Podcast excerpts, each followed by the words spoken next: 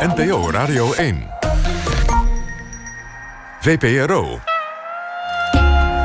Nooit meer slapen.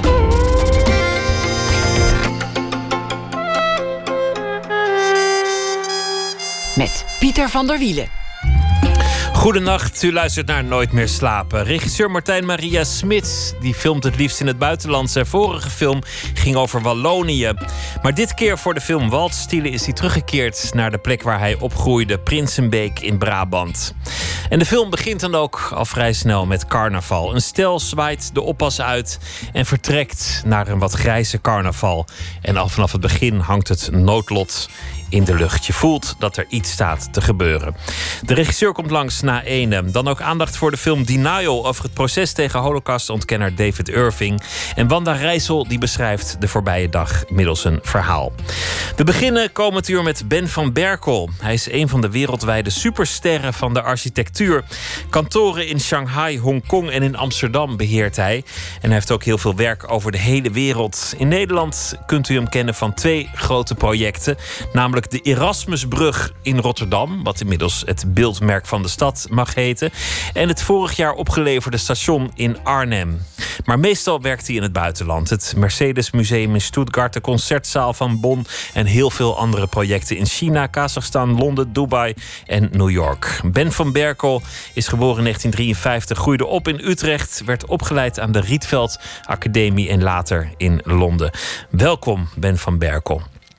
Ik sprak laatst een, uh, een wat oudere architect. En, uh, en die, die was nogal droevig. Want alles wat hij bij werk en leven had gemaakt, al zijn gebouwen waren inmiddels gesloopt. Er stond helemaal niets meer. Er was niks meer waar dan ook te bekijken. Is, is dat eigenlijk de grote angst van een architect? Nou, het is natuurlijk wel teleurstellend. Vooral als je een project hebt gebouwd, die dan worden ook weer afge uh, ja, van je afgenomen, als het ware. En, en uh, dat is natuurlijk uh, niet, niet een leuk verhaal. Maar ik, ik ken ook wel architecten die nooit hebben gebouwd. Er zijn ook wel wat ze noemen papieren architecten in de wereld. En die zijn toch wel heel erg gelukkig met, met alles wat ze hebben ontworpen. Dus bouwen is niet echt volgens mij iets wat voor elke architect nodig is om als nalatenschap mee te nemen, als het ware, in, in het volgende leven. Um, je kunt een groot architect zijn zonder dat het ooit in steen wordt omgezet. Juist, ja, ja, ja. Ja, bijvoorbeeld. Um, ja, er, er, waren heel veel Russische uh, constructivistische architecten, zoals Leonidov en Tchernikov. Uh, die, die tekenden enorm veel en die hadden allerlei visies.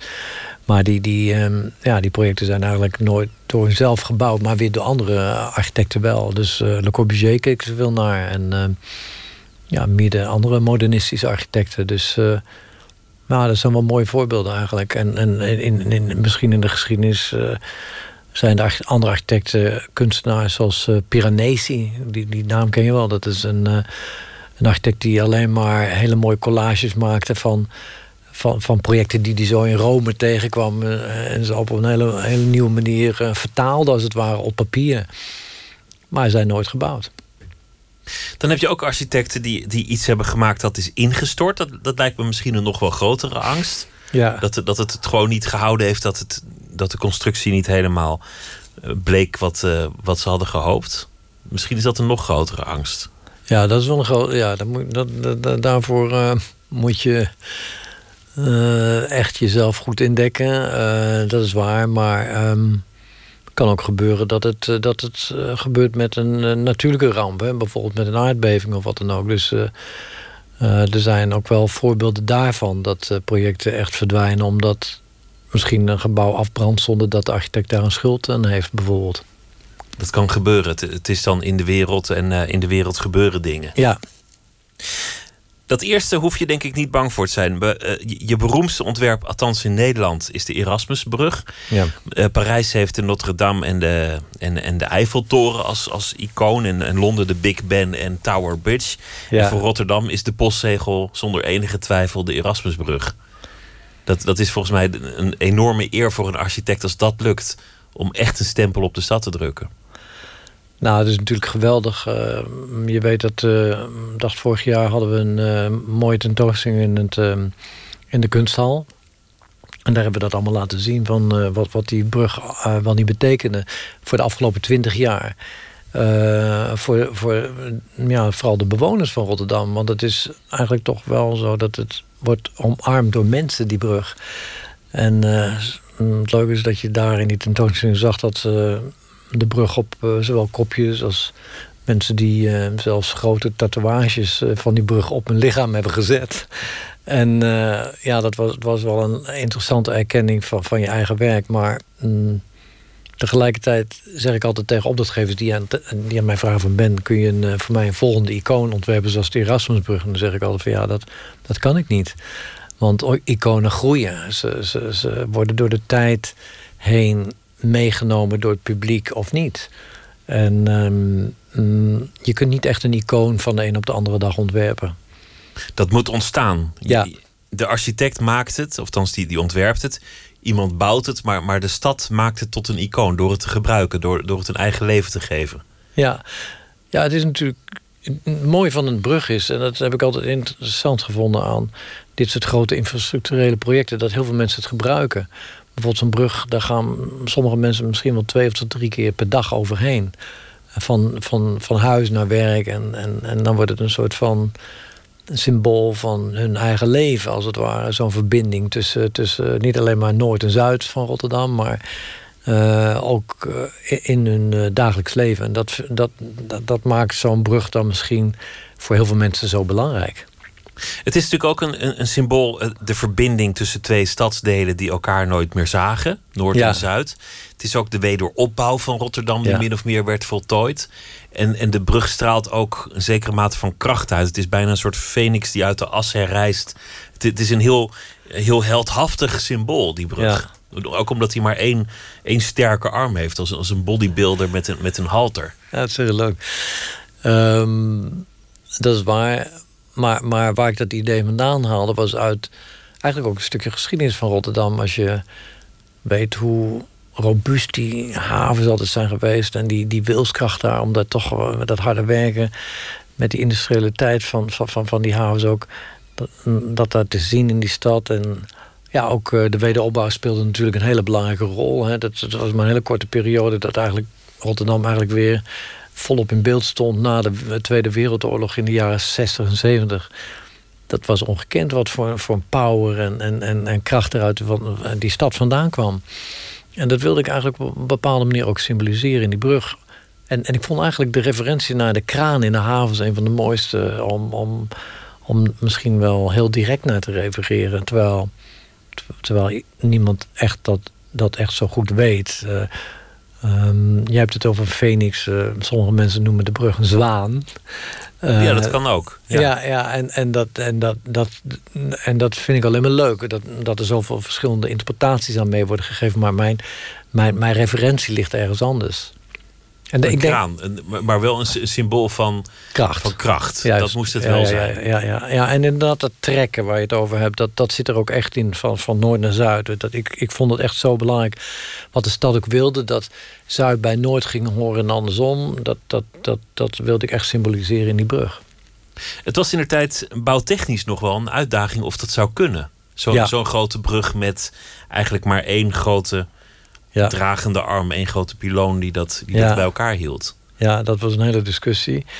Uh, ik heb er ook verschillende ingenieurs aan laten rekenen toen de tijd. Uh, niet alleen maar gemeentewerken rekende eraan, maar ook, ik had er ook een eigen uh, ingenieur die eraan meerekende.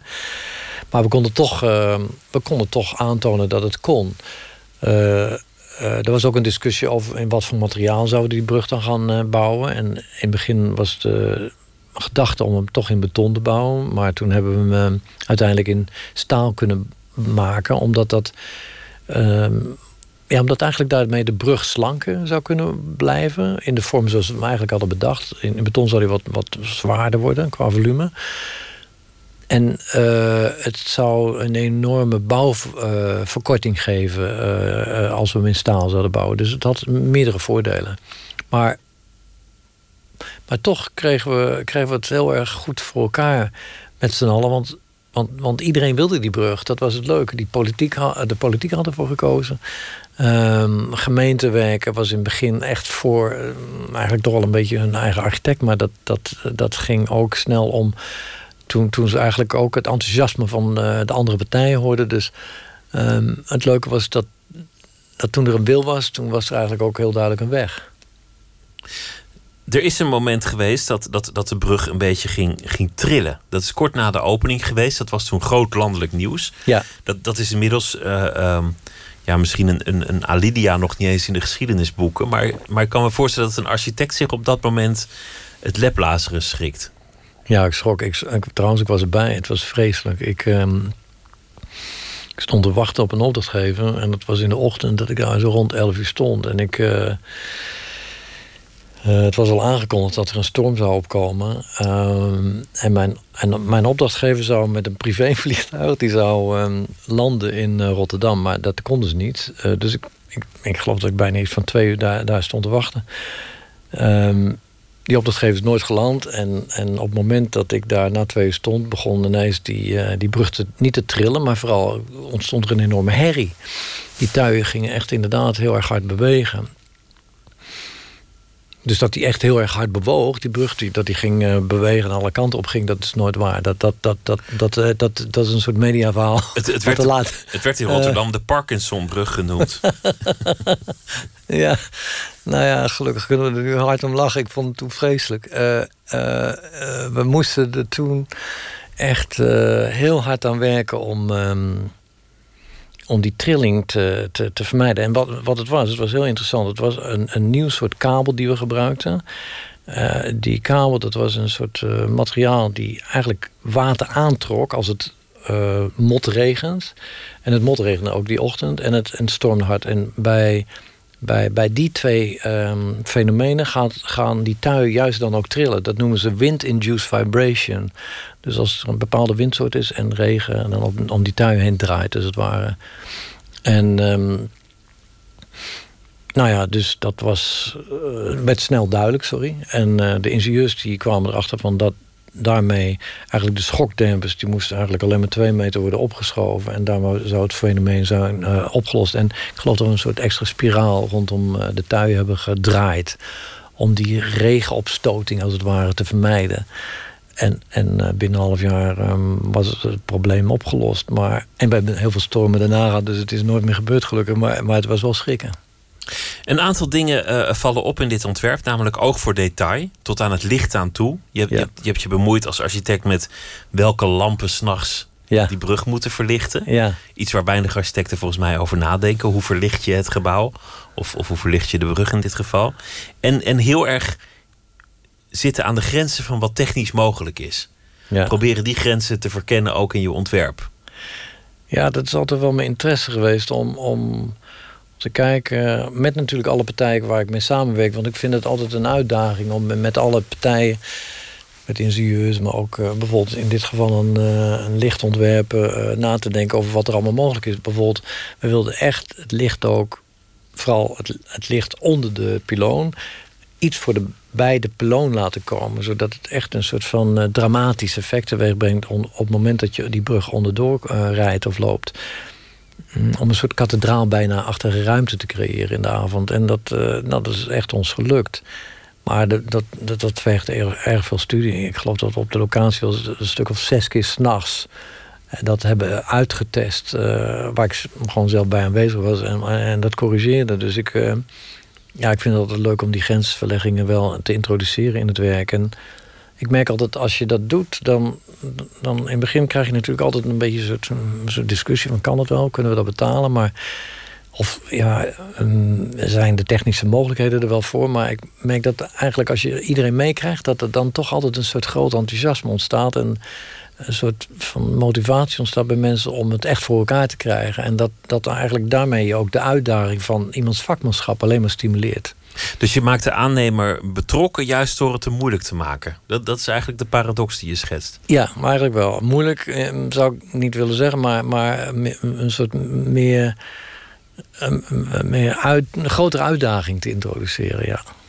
Het station in Arnhem werd uh, vorig jaar opgeleverd. En dat, dat was uh, een, een enorm enorme gebeurtenis, ook in de, in de architectuurwereld wereldwijd. Ja. Een ontwerp, gek genoeg, min of meer uit dezelfde tijd. Ja, klopt. Ja, zo, ja. zo lang heeft dat geduurd voor het station er daadwerkelijk stond. Ja, twintig jaar inderdaad.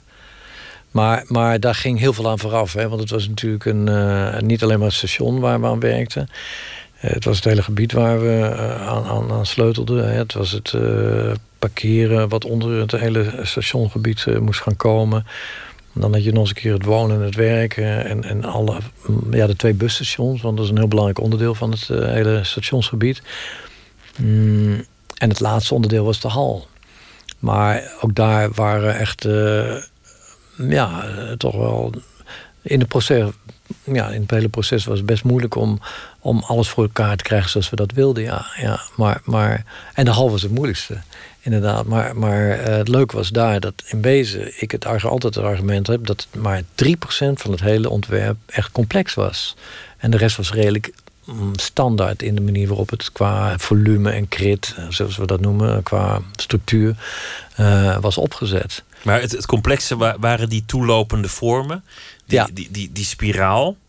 Ja. Jullie hebben dat uiteindelijk opgelost met, met constructies die in de scheepsbouw ja. bekend waren, maar niet in de, in de gewone bouw. Nou, het was het grappige dat, dat ik dat niet zelf had geïntroduceerd. Uh, dat, dat verhaal van die scheepsbouwer, die er, dat was de aannemer zelf die daarmee kwam. En, en dat was echt leuk, want, want wij kwamen met elkaar uh, uit op een, op een 3D-model wat klopte. En het kon gebouwd worden, dat had aannemer wel gezegd. Maar ook hier was de kwestie van hoe gaan we het bouwen? En het had een bepaalde tijdsdruk en uh, het moest ook binnen budget worden gebouwd. dat hebben we echt trouwens heel erg goed voor elkaar uh, weten te krijgen. Er is ProRail nog altijd heel erg trots op dat ze dat voor, met ons voor elkaar hebben gekregen. En, en hoe we dat hebben gedaan is gewoon gezegd van nou, we hebben maar zo'n we hebben maar korte tijd om het project te bouwen. Hoe kunnen we dat voor elkaar krijgen? En, en toen kwamen we na heel veel discussie op, op de scheepsbouwen. Want die waren dat gewend om uh, in grotere stukken, een soort zeg maar prefab-achtige elementen, die hal dan in twaalf onderdelen naar de, naar de locatie toe, te brengen en die redelijk snel aan elkaar te lassen, als het ware. En uh, ja, dat was uniek, want uh, daarmee hebben we een project gemaakt wat eigenlijk ehm, niet, niet standaard is uh, zoals dat uh, normaal wordt gebouwd. Ja. Een gebouw dat, dat als het ware de weg wijst. Een gebouw dat jou meezuigt de richting waar je uit ja. wil gaan. Ja, ja dat, dat is het uh, interessante van het hele ja, um, stationsgebied... of eigenlijk de transferlocatie noemen we het ook wel eens... dat, dat eigenlijk in het beginstadium we alleen maar keken naar wie komt waar vandaan. Dus we, we, analyseerden van, van waar komen nou de bewoners van de omgeving vandaan? Waar, waar, waar zijn de mensen die naar hun werk van? Of bijvoorbeeld wat soort, soort voor bewegingen hebben vanuit het station naar de binnenstad bijvoorbeeld? Of wat voor bewegingen bestaan er tussen de twee busstations? Van hoe groot is die overstap? En toen kwamen we eigenlijk op een, op een serie van loopbewegingen die we eh, transformeerden zo in de computer dat ze uit werden gezet als ja, beetje moeilijk uit te leggen over de radio. Maar, maar, maar um, ja, we hebben het vormgegeven als een soort tubus. Waar, waarin iedereen dan zou gaan rondlopen op die stationslocatie. En je moet je dan voorstellen, dat, dat was een hele ingewikkelde knoop toen we dat uh, uiteen hadden ge, ge, gezet. En um, en toen kwamen we eigenlijk op het idee om uh, de architectuur daaromheen omheen te ontwerpen. Of daarmee uh, als een soort supportive quality. Uh, daarom niet alleen omheen te ontwerpen, maar daar, daar zo mee de architectuur zou er zo mee in moeten spelen. dat eigenlijk je in wezen geen bewegwijzering nodig hebt op de locatie. Dus je loopt als het ware op een hele natuurlijke manier van het ene busstation naar het andere. Je ziet dan ook gelijk waar de entrees van de. de, de, de, de, de, uh, het station zelf of de fietsenstalling of de taxiplaats, et cetera. Dus het, het, ja, het, de architectuur support wayfinding als het ware. Waarmee ook de, de, de gebruiker deel is van de architectuur eigenlijk. Ja. Dus die twee zijn totaal vermengd, gebouw en, en, en gebruiker. Ik doe je eigenlijk onrecht, want ik heb het dus over twee ontwerpen van 20 jaar geleden. Ook al is er eentje pas vorig jaar opgeleverd. En ik heb het over twee weliswaar heel bekende, maar toch Nederlandse gebouwen. Terwijl ja. maar een heel klein deel van wat je doet in Nederland staat. Klopt, ja. ja ik Veel in Azië, Duitsland, uh, uh, het Midden-Oosten, nou ja, noem maar op. Ja, dat is wel interessant. Hè? Dat, uh, dat vooral die laatste jaren uh, is natuurlijk niet voor architecten zoveel werk geweest in Nederland. Uh, ja, dat, dat, dat dat misschien wel de belangrijkste reden is waarom we eigenlijk misschien maar 5% van ons werk in Nederland hadden. En, en ja, de rest is in, in ja, heel veel andere landen wel gebouwd. Dus inderdaad van Oostenrijk tot en met ehm, Midden-Oosten, Azië, et cetera. Eh, Australië zijn we ook in de weer. Londen eh, gaan we dit jaar een project opleveren. Dus bijna wel 30 landen hebben we gewerkt. Ook een eigen kantoor in, in Shanghai. Dus je, je bent ontzettend veel onderweg. Heel veel aan het vliegen. Heel veel nou ja, over, over de hele wereld gaande. En we hebben het hier over twee toch een beetje jeugdwerken in, in uh, architectuurtermen? of, of, moet ik dat niet zo zien? Nou, dat is wel leuk dat je het zegt. Want, want um, ze zeggen in ons vak vaak van... Uh, als je een jaar of uh, ja, 30, 35 jaar in het vak zit... dan krijg je pas je echte grote, serieuze projecten. Dat zie je bijvoorbeeld bij het werk van... Van, van een generatie die net iets ouder is als ik ben. Jean Nouvel of Frank Gehry, et cetera. Die krijgen, ja, die krijgen pas echt op hun 65ste hun uh, mooiste grote werken. Um, ik had echt het geluk dat ik heel jong was toen ik die Erasmusbrug uh, mocht uh, ontwerpen en bouwen. Ehm, met de stad Rotterdam. En, en ja, ik geloof dat ik een jaar of 32 was of 33. Dat was echt piepjongen. Dus ik leerde in een hele korte tijd heel snel. Um, maar um, ja, jeugdwerk, ja, ik was eigenlijk ja, Relatief, foto's, relatief jong, ja. Relatief, relatief, jong. Ik heb altijd graag het idee van een architect als een soort genie die aan een tafel zit en een briljante ingeving heeft en dan een tekening maakt. En daarna gaan die honderden metselaars en timmermannen en, uh, en, en betongieters die gaan aan, aan de gang met dat, met dat ontwerp. Maar het is nog steeds die ene tekening van dat, van het ene genie. Maar, maar zo werkt het natuurlijk niet. Nee, er zijn zoveel partijen bij betrokken. Ja zoveel inspraakrondes, zoveel eisen aan een gebouw. Wie, wie is de architect nog helemaal? Ja, dat is een hele goede vraag. Ik denk dat vandaag de dag de architect uh, meer een supervisor is geworden dan uh, zeg maar de klassieke architect die zegt van nou, dit is mijn uh, tekening en ik heb het allemaal uitgetekend, weet de maat op elke hoek en ik vind maar dat jullie het zo moeten uitvoeren. En als jullie dat niet zo uitvoeren als ik het hier heb getekend, dan ja, stap ik op. Weet je, zo, dat was de mentaliteit van, van uh, nou, misschien wel architecten nog van 20, 30 jaar geleden zelfs. Maar dat kan vandaag de dag niet meer, omdat, omdat um, je kunt tegenwoordig uh, zoveel in het beginproces van een ontwerp uh, meten, als het ware. En daar bedoel ik mee van, van je kunt in de computer van, van wind tot en met het licht, tot en met de warmte in je gebouw uh, kun je allemaal waarnemen. En uh, daarvoor moet je al je specialisten al heel vroeg aan uh, boord hebben.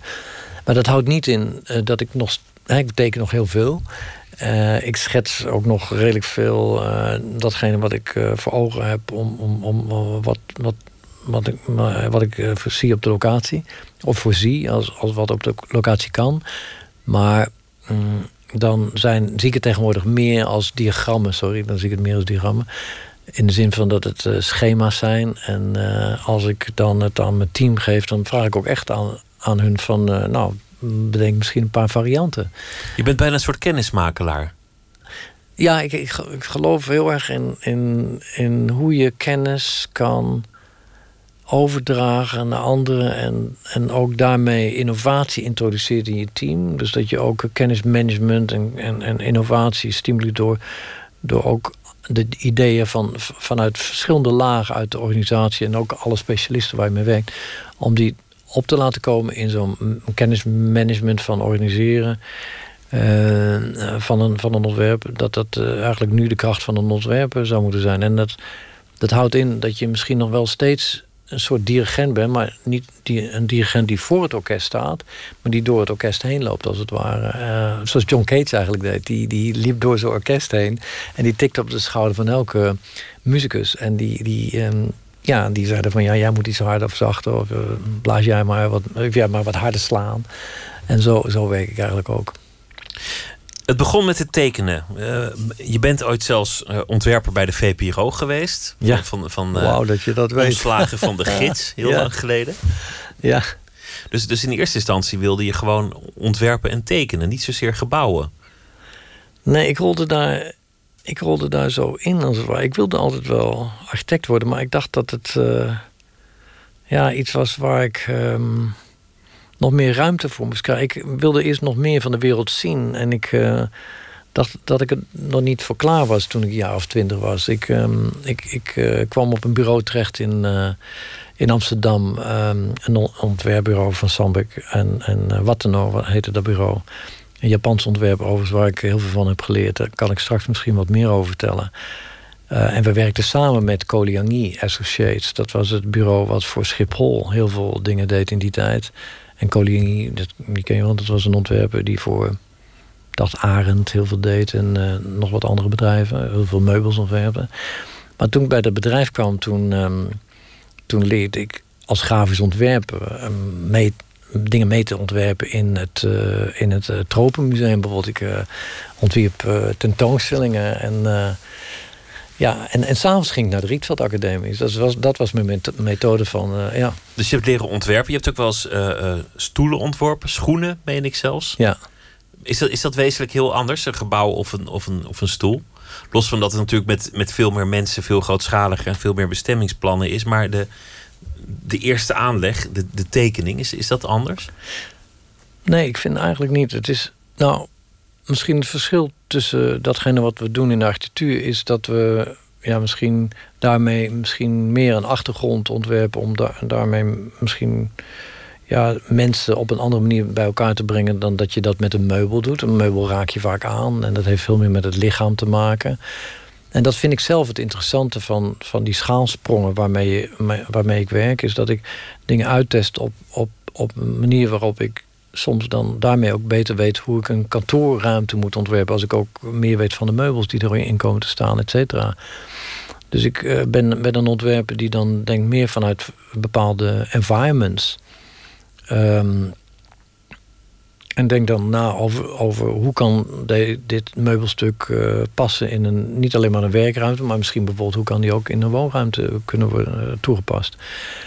Mm, maar ik vind het interessante van, van het ontwerpen van producten en, en, en meubels is dat het zo veel meer met het, ja, dat meer met het sensitieve en sensual aspect van de architectuur heeft te maken. Meer met het lichaam.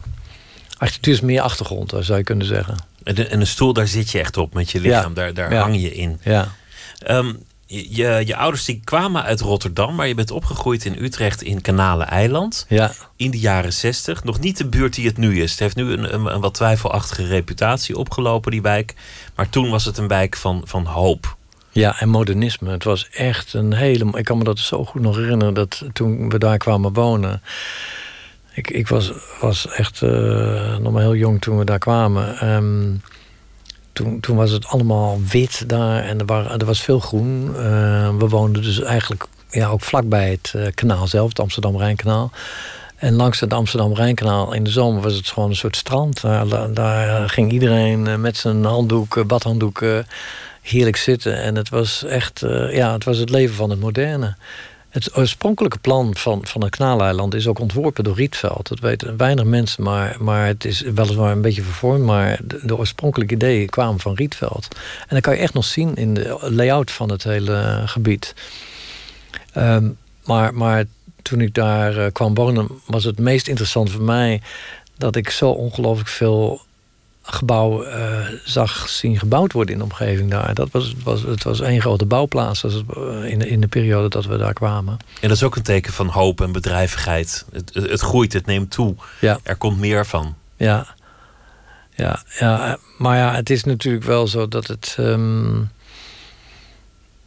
ja, daar kom ik dus nu ook heel erg op terug van hoe we dit soort wijken vandaag de dag moeten ontwerpen. Het was te monofunctioneel, dat, dat weet ik nog wel uit die tijd ook dat als je wat ouder werd, dan, ja, dan ging je, nam je de bus of de fiets en dan ging je, dan ging je de stad in. En dan, dan zocht je natuurlijk de plekken waar je, waar je kon, kon sporten of dat je naar cafés kon gaan of restaurants. Mm, ik denk dat die monofunctionele wijken uh, vandaag de dag niet meer zo goed werken. Uh, om die reden. Er, is, er is weinig menging van andere functies. En worden daardoor wat hard in hun sociale gebruik daarom ook dat jij in een, in een gebouw dat je in Londen hebt ontworpen, een, een nieuw wooncomplex, eigenlijk al die functies ook in dat gebouw probeert te ja. brengen. Ja. Dus een, een sportschool, een, een bioscoopje, een, een, een, koffiebar, noem maar op. Ja, ja, ik geloof daar heel erg in. Ik denk dat uh, dat, dat echt uh, voor, vooral als je verticaal woont uh, en, en redelijk compact dan op één plek met, met zoveel mensen woont en je vreemd genoeg dan niet genoeg je buren ziet, bijvoorbeeld, dat het niet gezond is, dat het niet goed voor, voor de manier waarop mensen ja, moeten wonen, vind ik. Uh, ik heb het zelf ook zelf. Ik heb het zelf ook een paar keer ervaren dat als je ja, in een woongebouw woont waar andere mensen altijd maar aan het reizen zijn, bijvoorbeeld, of uh, je komt nooit je buren tegen, dat, dat, dat, dat voelt echt niet goed. Um, dus uh, ik heb dit geïntroduceerd om zoveel mogelijk uh, een soort sociale cohesie te introduceren in het uh, woonconcept. Zit al in het ontwerp eigenlijk, hoe mensen zich gaan gedragen.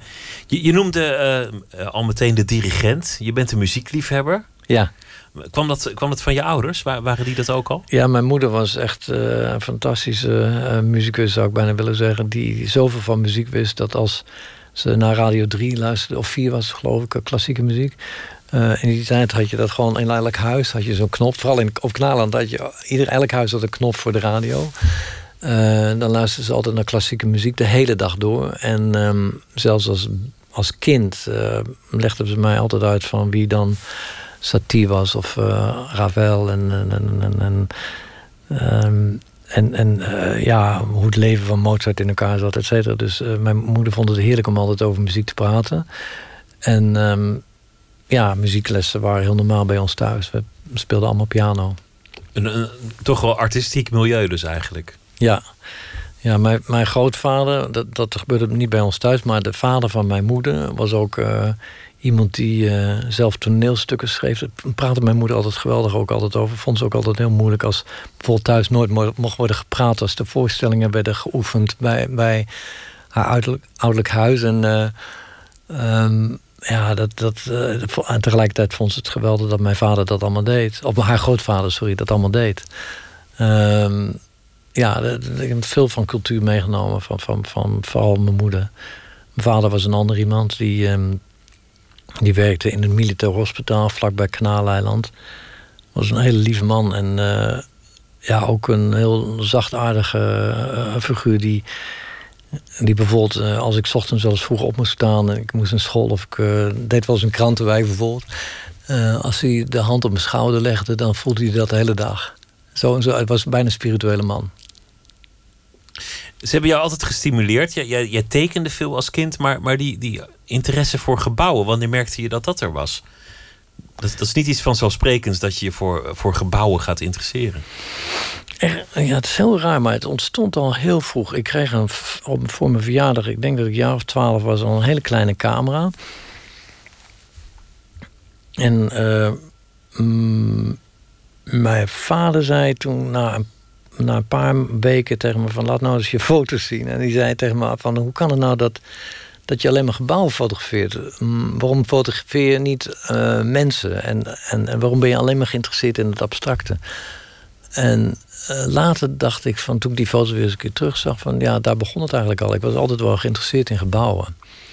En, en, en dat begon dus vroeg, maar ja, wat ik je zei, het heeft lang geduurd voordat ik echt ook echt architectuur ging studeren. Dat, dat duurde wel iets van, uh, ja, tot mijn tot mijn 24 e of 23 e heb ik daarop gewacht om dan uiteindelijk naar Londen toe te gaan om daar te gaan te studeren. Om die keuze echt te maken. Ja. En, en daarvoor moest je ook, ook weg uit Nederland.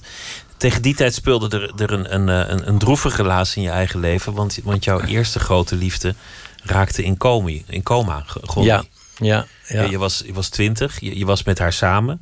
En, en uh, ja, door, door eigenlijk een medische misser, naar ik heb begrepen, is zij in een, in een coma geraakt. Ja, ja, dat was uh, heel tragisch. Zij had een. Uh, ze, was uh, anorexia nervosa. ze had een ziekte. Ja, ze moest nu ook anorexia nervosa, geloof ik. Die, die had ze toen. En ze, ze was zo mager geworden dat de dokters hadden gezegd van ze moest opgenomen worden. Maar ze hadden haar, denk ik, een verkeerd medicijn gegeven. Ze hadden haar te zwaar um, uh, slaapmiddel gegeven om haar te meer te laten ontspannen, omdat ze zo gespannen was. En daardoor raakte ze in een coma. En uh, dat, ja, dat was vreselijk. Uh, van de een op de andere dag was ze gewoon weg. En, en uh, dat heeft jarenlang geduurd voordat ze echt ook overleed. Dus dat was heel traumatisch voor, voor niet alleen mij, maar vooral ook de ouders en broers en twee zussen die ze ook had. En ja, was, was een hele nare jonge.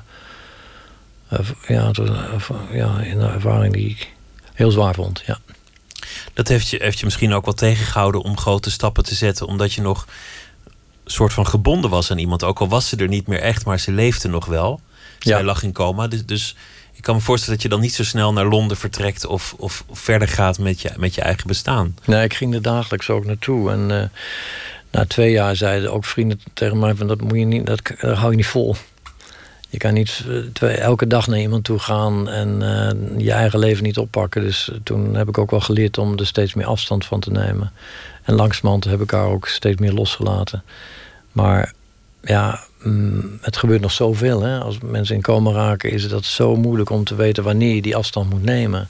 Hoe, hoe aanwezig zijn die mensen nog? Men, men weet er eigenlijk heel weinig van. Het voelt alsof je iemand verlaat. Ja, dat is het lastige. Je durft dat niet te doen.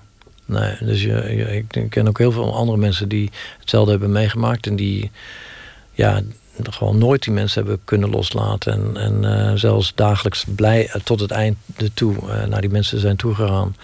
Dat heb ik natuurlijk ook gedaan, maar niet meer in de frequentie zoals ik dat deed in het begin. Je moest verder, je wist dat je verder moest, ook al, ook al was dat ingewikkeld. Hoe heeft, heeft dat jou dat veranderd?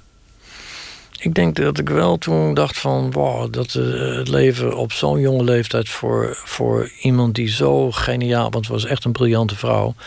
Ze was ook iemand die altijd van alles deed eh, in de avond... en, en bij- zichzelf bijspijkerde op allerlei niveaus. Mm, dacht ik wel van dat, dat het zo snel kan gaan... ja, dat vond ik heel eng. En toen heb ik me wel natuurlijk gerealiseerd van... eh, alles wat ik ga doen in het leven, in de toekomst, dat, dat ga ik echt goed doen. En eh, daar, daar, daar, daar wil ik gewoon ook volop van genieten. Het heeft een zekere eh, energie, een zekere urgentie aan de rest van je bestaan. Ja, maar, gegeven. maar, maar ik durf ook wel te zeggen, echt, eh, en eh, ik hoop dat ze dat ook nog steeds, eh, dan als ze dat zou kunnen horen bijvoorbeeld, goed zou kunnen begrijpen, dat ik dat ook op een hele positieve manier heb eh, geïnterpreteerd later. Dat ik, eh, dat ik, dat ik echt eh, dacht van, ehm, ja, het leven is eigenlijk fantastisch en je moet er veel van maken zolang je, zolang je eh, in dat, volop in dat leven kan staan, ja. Want, want op die manier is ze nog steeds in, in je gedachten aanwezig. Het is niet, niet een, een, een hoofdstuk van, van, van eh, wat is het, eh 30 jaar geleden. Het is iets dat, dat nog steeds. Ja, maar dat vind ik. Ja, dat, maar zo denk ik veel over mijn ouders ook nog steeds hoor. Ik vind het heerlijk om over mijn ouders te praten en eh, daar nog dagelijks. eh, nou, dagelijks een beetje niet helemaal waar, maar ik. eh, ik durf wel te zeggen dat ik vaak denk van wauw, ik, dat, dat, dit- ik zou het leuk vinden als ik dit nog even aan mijn moeder had kunnen vertellen. Weet je, zo, dat denk ik wel vaak, ja. Jouw ouders die hebben nog, nog, nog de grootste trots volgens mij met jouw werk meegemaakt. Dat, dat, je, dat zij het bombardement als Rotterdammers natuurlijk aan de lijve hadden ondervonden. Ja, ja die vonden dat ongelooflijk toen ze ehm, ja, die brug eh, afzagen. Dat, dat, is nogal echt fantastisch dat ze dat hebben meegemaakt. Vooral eh, mijn vader was er ook zo trots op. Die, ehm, ja, die, die, die heeft natuurlijk de oorlog volop meegemaakt, ook als militair. En eh, ook omdat hij als medisch mili- militair ehm, daar zo mm, hele vreselijke dingen heeft meegemaakt. Die was er zo trots op. Dat, dat, dat, eh, dat heeft zijn hele leven enorm opgevrolijkt. Op, la, op latere leeftijd, moet ik zeggen. Ja, dat was ongekend, ja. Die was trots op jou dat, Ja. dat, dat jij toch die, die wederopbouw min of meer voltooide. Als het, als het ware. Ja, en afmaakte volgens hem. Hij zei van, er kan niks voorbij. Dit project zal ooit eh, nog meer eh, de wederopbouw kunnen afmaken als deze brug. Dus daar was hij van overtuigd. Ja, dat is wel knap hè, dat hij dat, eh, dat toen al kon voorspellen... terwijl die brug ja, wel enigszins bekend was natuurlijk in Nederland... maar die, hij, dat het zo'n power zou krijgen, dat, dat kon hij al voorspellen. We hadden het over de architect. Het, het, genie dat aan een tafel zit en die maakt een tekening. Die ontwerpt daarmee een, een, een gebouw en anderen die gaan ermee aan de slag. Ja. Ehm, jij zei over die brug van ja, het is niet, niet aan de architect wat het wordt. Uiteindelijk geef je het aan de samenleving en die, die maken het gebouw tot wat het is door er overheen te lopen of te rijden of, eh, of, of, of het op hun lichaam te laten tatoeëren of wat dan ook. Je, je, je doet eigenlijk maar de, de eerste aanzet van het ontwerp, het werkelijke ontwerp, is het gebruik. Dat, Ja. vind- dat vind ik wel een mooie manier van denken. Ja, ik denk, ik denk eigenlijk altijd van. mm, ja, dat het toch wel zo is dat, eh, dat je op een bepaalde manier voor mensen ontwerpt. En dat, Dat eigenlijk toch uiteindelijk het zo is, is dat, dat zonder, zonder dat die mensen er zijn, er geen architectuur zijn. Um, als architectuur niet kan communiceren op een bepaalde manier met mensen, dan is er geen architectuur, is mijn argument. En ik, ik vind het een van de, eigenlijk de mooiste kanten van ons vak. Dat je mensen bij elkaar kunt brengen via de architectuur. Dat je mensen kan laten doen, ook via de architectuur. Je kan mensen meer laten lopen, je kan ze, je kan ze een kalme ruimte geven, je kan ze een meer actieve ruimte geven. Dus architectuur kan heel erg sturend en opererend werken naar de manier waarop het uh, mensen kan op een bepaalde manier ook weer kan helpen. Dus dat een wijk ongezellig wordt, zit al een beetje besloten in het ontwerp. Dat is gewoon niet ontworpen dat mensen elkaar ontmoeten. Ja. Dus, uh, of, of mensen dik worden of niet, dat kun je met een gebouw misschien een beetje tegengaan. Niet helemaal, maar je, je kunt natuurlijk in, inderdaad de, de, de lift verbergen. Ja. Ja, dat is inderdaad wat ik uh, de laatste tijd zeg. Vind, laten we de liften verbergen, want uh, we kunnen daarmee uh, proberen ja, de, de, stimulering van, van het wandelen in gebouwen meer, um, meer, meer motiveren. En ik denk dat het ook echt helpt. Ik heb het in een paar projecten al gebruikt. Bijvoorbeeld in een universiteitscampus in Singapore. Daar heb ik bijna geen liften uh, gemaakt. Daar waar je ze gelijk ziet als je de uh, entree binnenkomt. Ze zijn er allemaal natuurlijk wel, want dat, dat, uh, dat is de, zo is de regelgeving. Maar um, op een bepaalde manier moet iedereen de trap gewoon gebruiken. En het leuke is dat iedereen altijd tegen me zegt, die daar werkt... van ik zie altijd de professor, ik zie altijd de, de, bezoekers... Ik zie de studenten uh, van alle afdelingen. Dat wilde ik ook echt. Dat, dat bijvoorbeeld de verschillende faculteiten in één gebouw niet in verschillende gebouwen zouden zitten, maar in één gebouw. Uh, en daarmee combineer je eigenlijk een soort van um, sociale ja, interactie, maar ook kennis met de manier waarop mensen ja, ideeën met elkaar uitwisselen op die trap. Die trap wordt dan meer dan alleen maar een element waar je van A naar B toe mee loopt. Ik moet meteen denken aan de kredietcrisis. Toen werd van een aantal banken gezegd dat de, de CEO's een eigen lift hadden. En die gingen dan rechtstreeks naar de bovenste etage, zodat ze niet met hun medewerkers in de lift hoefden te staan. Ja, En dat werd dan aangehaald als een van de oorzaken van die crisis, omdat ze nooit iets hoorden over hoe het op de werkvloer eraan toe ging. Ja, dat is inderdaad waar ik niet in geloof. Dat, dat, dat gaat tegen elk concept van in van, van hoe je je ook moet leiding geven, denk ik. Je, je moet leiding geven aan, aan de mensen die met jou samenwerken. En als je alleen maar vanuit uh, een achterover, of in dit geval bijna onzichtbare manier uh, leiding geeft, dat, dat, uh, dat zou ik eigenlijk altijd willen verbieden in elk bedrijf. Dan kijk je naar de toekomst. Want jij maakt een gebouw dat, dat misschien over tien jaar pas wordt opgeleverd. Dat dan over, over honderd jaar er toch zeker nog moet staan en gebruikt moet worden. Dus eigenlijk kijk je ook als een soort visionair de toekomst in. En, en probeer je te stellen wat, wat de mensheid moet zijn op dat moment. Ontwerp je ook een mens of, of ontwerp je een samenleving? Hoe zie je dat? Ja, ik vind het zo interessant soms om inderdaad verder te kijken dan, dan waar we staan vandaag. Uh, maar daar, moet je ook veel voor lezen, denk ik. En, en, proberen na te gaan waar, wat voor filosofieën er ontstaan over bijvoorbeeld de toekomst van het wonen of het werken. En, en ik vind dat je verplicht bent als architect. Natuurlijk, ik kan het heel vaak misschien ook wel mis hebben, maar ik probeer zoveel mogelijk uh, toch als een soort van. Als, als een soort futuroloog misschien wel mee te denken over waar we naartoe gaan in, uh, in de toekomst van de architectuur. En, en ja, je weet het zelf wel. Bijvoorbeeld uh, tegenwoordig elke tech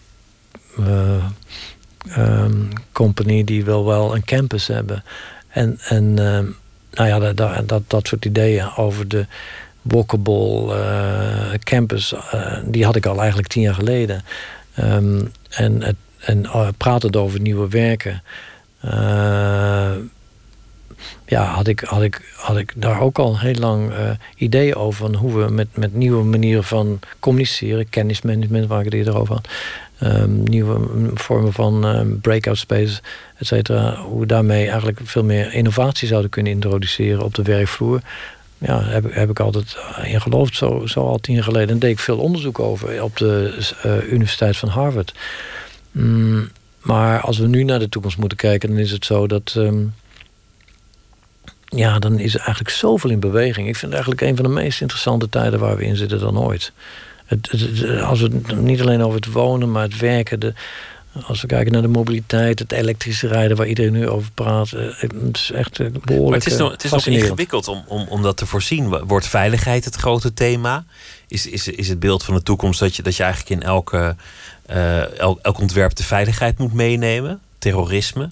Of moet je kijken naar klimaatverandering? Is, is dat het belangrijkste uh, speerpunt voor de toekomst? Nou, dat zijn, nou, dat zijn goede punten, want het zijn er meerdere punten. Het zijn, dat is het uh, moeilijke van het vak misschien wel. Dat je dus inderdaad uh, drie of vier lagen hebt waarmee je naar die toekomst moet kijken.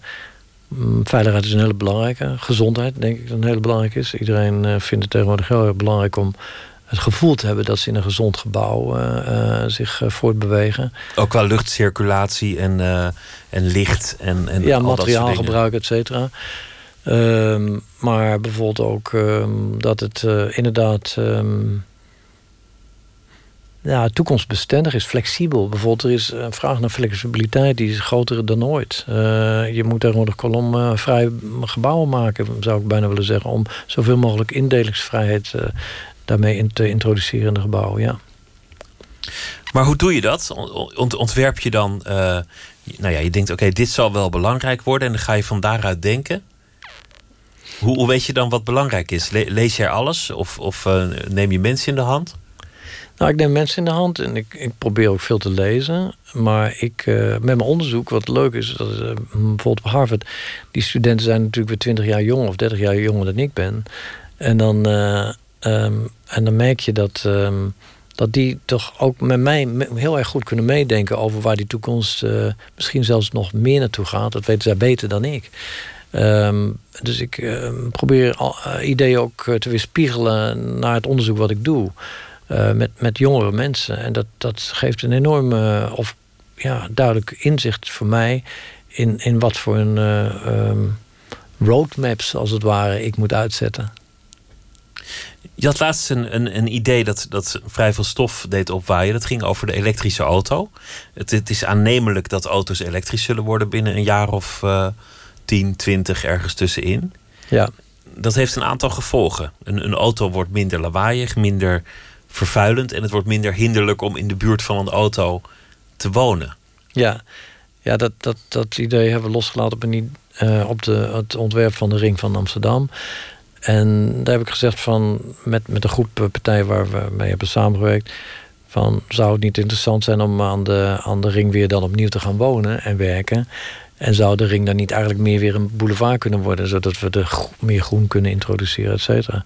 Het leuke is dat zelfs met uh, bijvoorbeeld een, een, een, een staat, die, die, we, die we nu helemaal hebben omgevormd naar bij, bijna, bijna boulevardachtige uh, weg eigenlijk weer. En waar nog geen elektrische auto rijdt, is dat al, heeft, ja, heeft dat al daar al plaatsgevonden. Dus straks als we elektrisch gaan rijden en dat er minder geluid is inderdaad. En uh, dat we echt veel meer, meer zeg maar ook met het um, automatisch gaan rijden, zelfrijdende auto's. Dat we dan ook meer de filesvorming kunnen daarmee vermijden, is een hele belangrijke. Want daarmee kunnen we ook de wegen veel meer gaan versmallen. Um, en dan krijg je meer een boulevard met, met daarnaast uh, terrasjes of, of dat soort dingen. Ja, ja maar, maar wat we ook bedachten was om uh, uh, ja, van die parkeerhubs te introduceren... waar bijvoorbeeld andere functies bij kunnen ko komen als ehm, bijvoorbeeld... Mm, ja, neem maar bijvoorbeeld ja, cultuurfuncties of ehm, cafés en restaurants, et cetera. Um, als je die daarbij zou kunnen introduceren samen met dat parkeren, dan zou je van daaruit, vanuit die hubs, zou, je bijvoorbeeld op de Lelylaan, zou je van daaruit uh, misschien van die citypods kunnen introduceren in de toekomst. En dat zijn elektrische auto's, als het ware, waarmee die um, mee de binnenstad in zou kunnen uh, laten gaan. en en, en, en um, daarmee zouden we de parkeerdruk vanuit de binnenstad daarmee enorm kunnen verlagen. Dus één zo'n zo'n verandering, de auto in dit geval, dat maakt eigenlijk al een heel andere stad. Ja, ja ik, ik, ik denk dat um, daarom het zo goed nodig is, of nee, zo hard nodig is om om ook eh, wat meer visie te ontwikkelen voor de manier waarop we de toekomst van de stad zien. Gaan we meer verdichten? Gaan we, gaan we de ring aantrekkelijker maken? Gaan we meer hoogbouw introduceren? Bijvoorbeeld dat soort vragen vind ik echt heel erg fascinerend om naar te kijken. Maar dan ben je eigenlijk een stedenbouwer geworden en niet langer een, een, een architect van één gebouw. Nee, maar dat, dat, dat, uh, dat zit ook wel in de ontwikkeling van ons vak. Als je, als je mm, zeg maar, zoals wij meer dan 30 jaar um, al regelmatig uh, de omgevingen van je gebouw hebt ontworpen, dan kijk je vaak meer naar de stedenbouw. En dat, dat doe ik op veel locaties. Bijvoorbeeld in Qatar, waar we al die stationen doen voor bijna vier metrolijnen. daar, daar kijken we ook naar de gebieden rondom de stations, omdat ik dat heb geleerd in Arnhem. Um, ik uh, merk dat de opdrachtgever dat echt heel prettig vindt. Want ze hadden er nog niet goed over nagedacht wat er zou gebeuren hoe men daar vanuit het station naar bijvoorbeeld uh, naar een auto toe beweegt. Als het bijvoorbeeld er in de zomer 50 graden bijna is. en daar kwamen we met heel, denk ik, goede ideeën voor. Het zou ook raar zijn om een gebouw te ontwerpen en niet te kijken naar de omgeving. Dat, dat, dat zou volgens mij een denkfout zijn. die, die is wel eens gemaakt, maar dat, dat, dat, hoeft niet herhaald te worden. Nee, da daarom. Dus je moet echt. Uh, ja, je moet je daarin oefenen om, om beter in te worden. En dat, ik hoop dat de laatste paar jaren dat we daar steeds meer ja, van leren. Ja. Een ander pleidooi dat je hebt gehouden is om, om uh, meer kleur in de stad te brengen. Ja.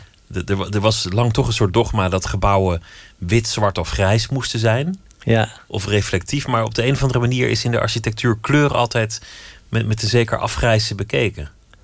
Ja, kleur is voor mij heel erg belangrijk. Ik denk dat uh, kleur eigenlijk heel goed werkt op, op, op, mensen. Mensen zijn altijd blij als ze wat meer kleur in de gebouwen zien.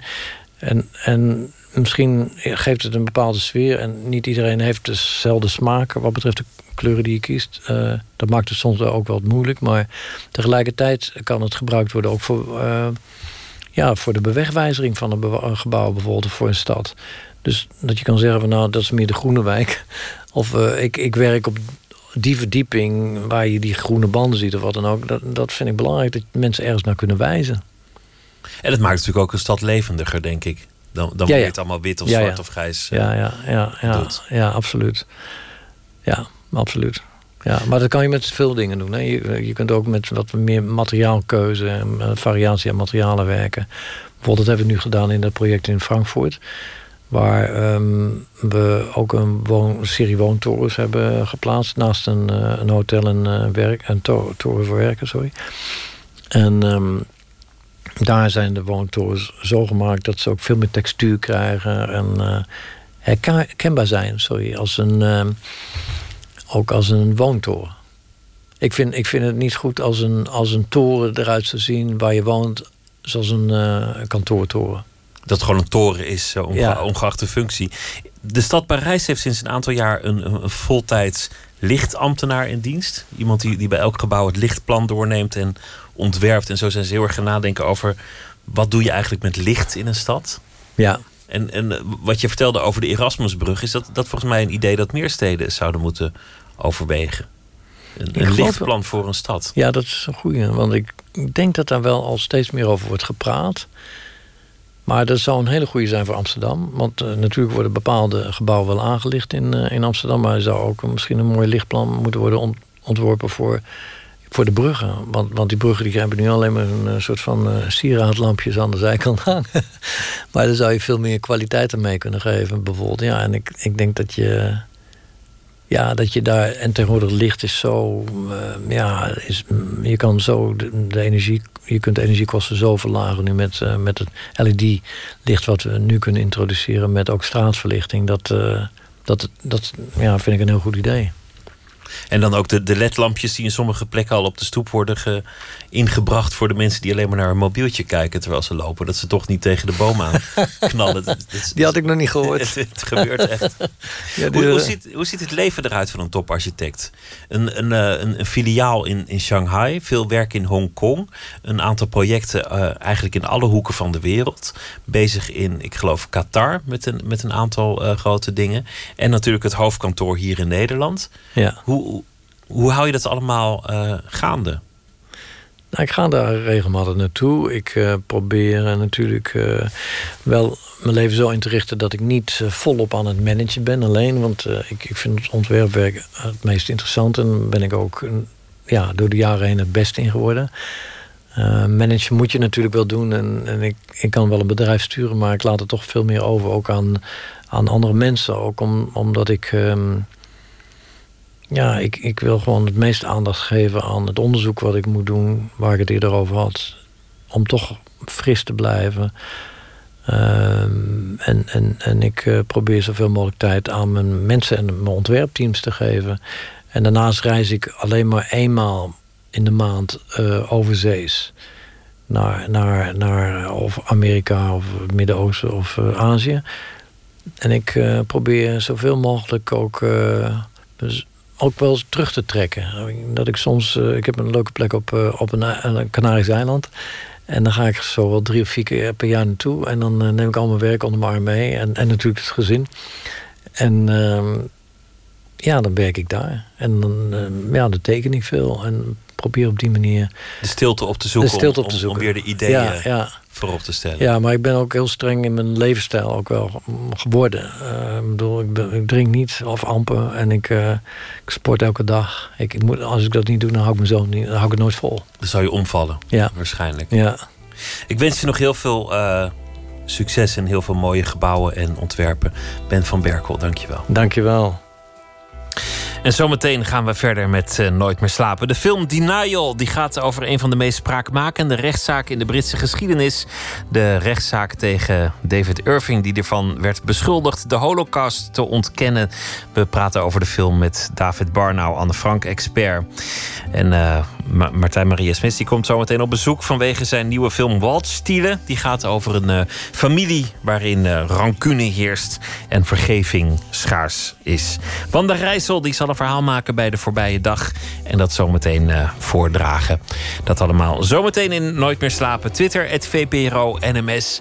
En we zitten ook op Facebook en u kunt zich abonneren op onze podcast. Dat doet u via de website van de VPRO. vpro.nl schuine streep Nooit meer slapen of via iTunes.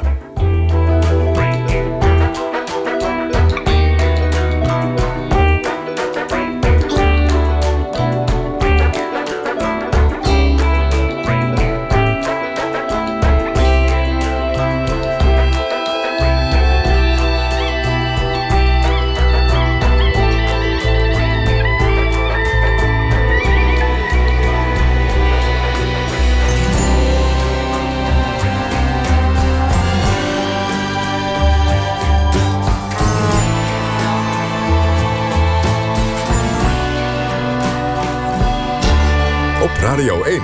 Het nieuws van alle kanten.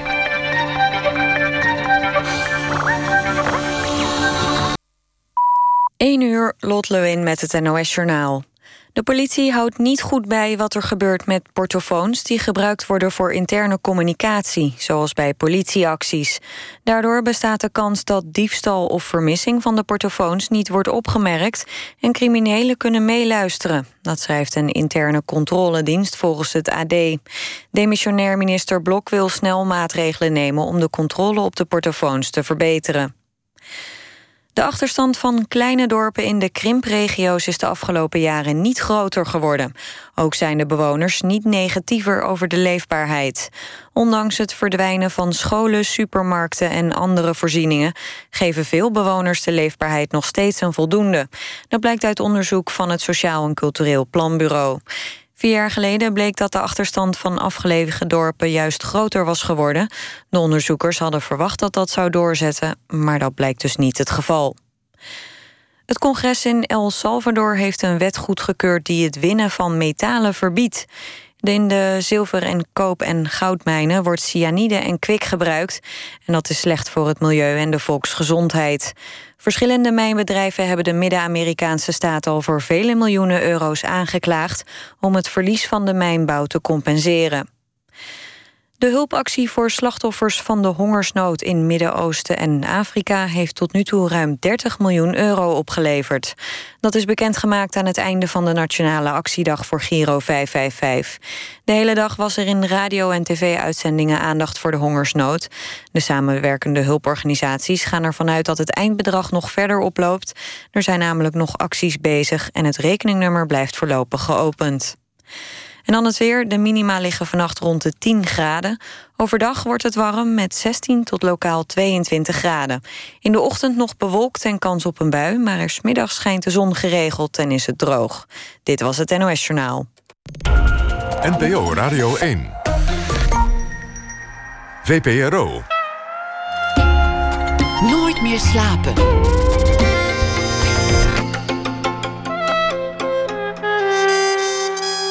Met Pieter van der Wielen.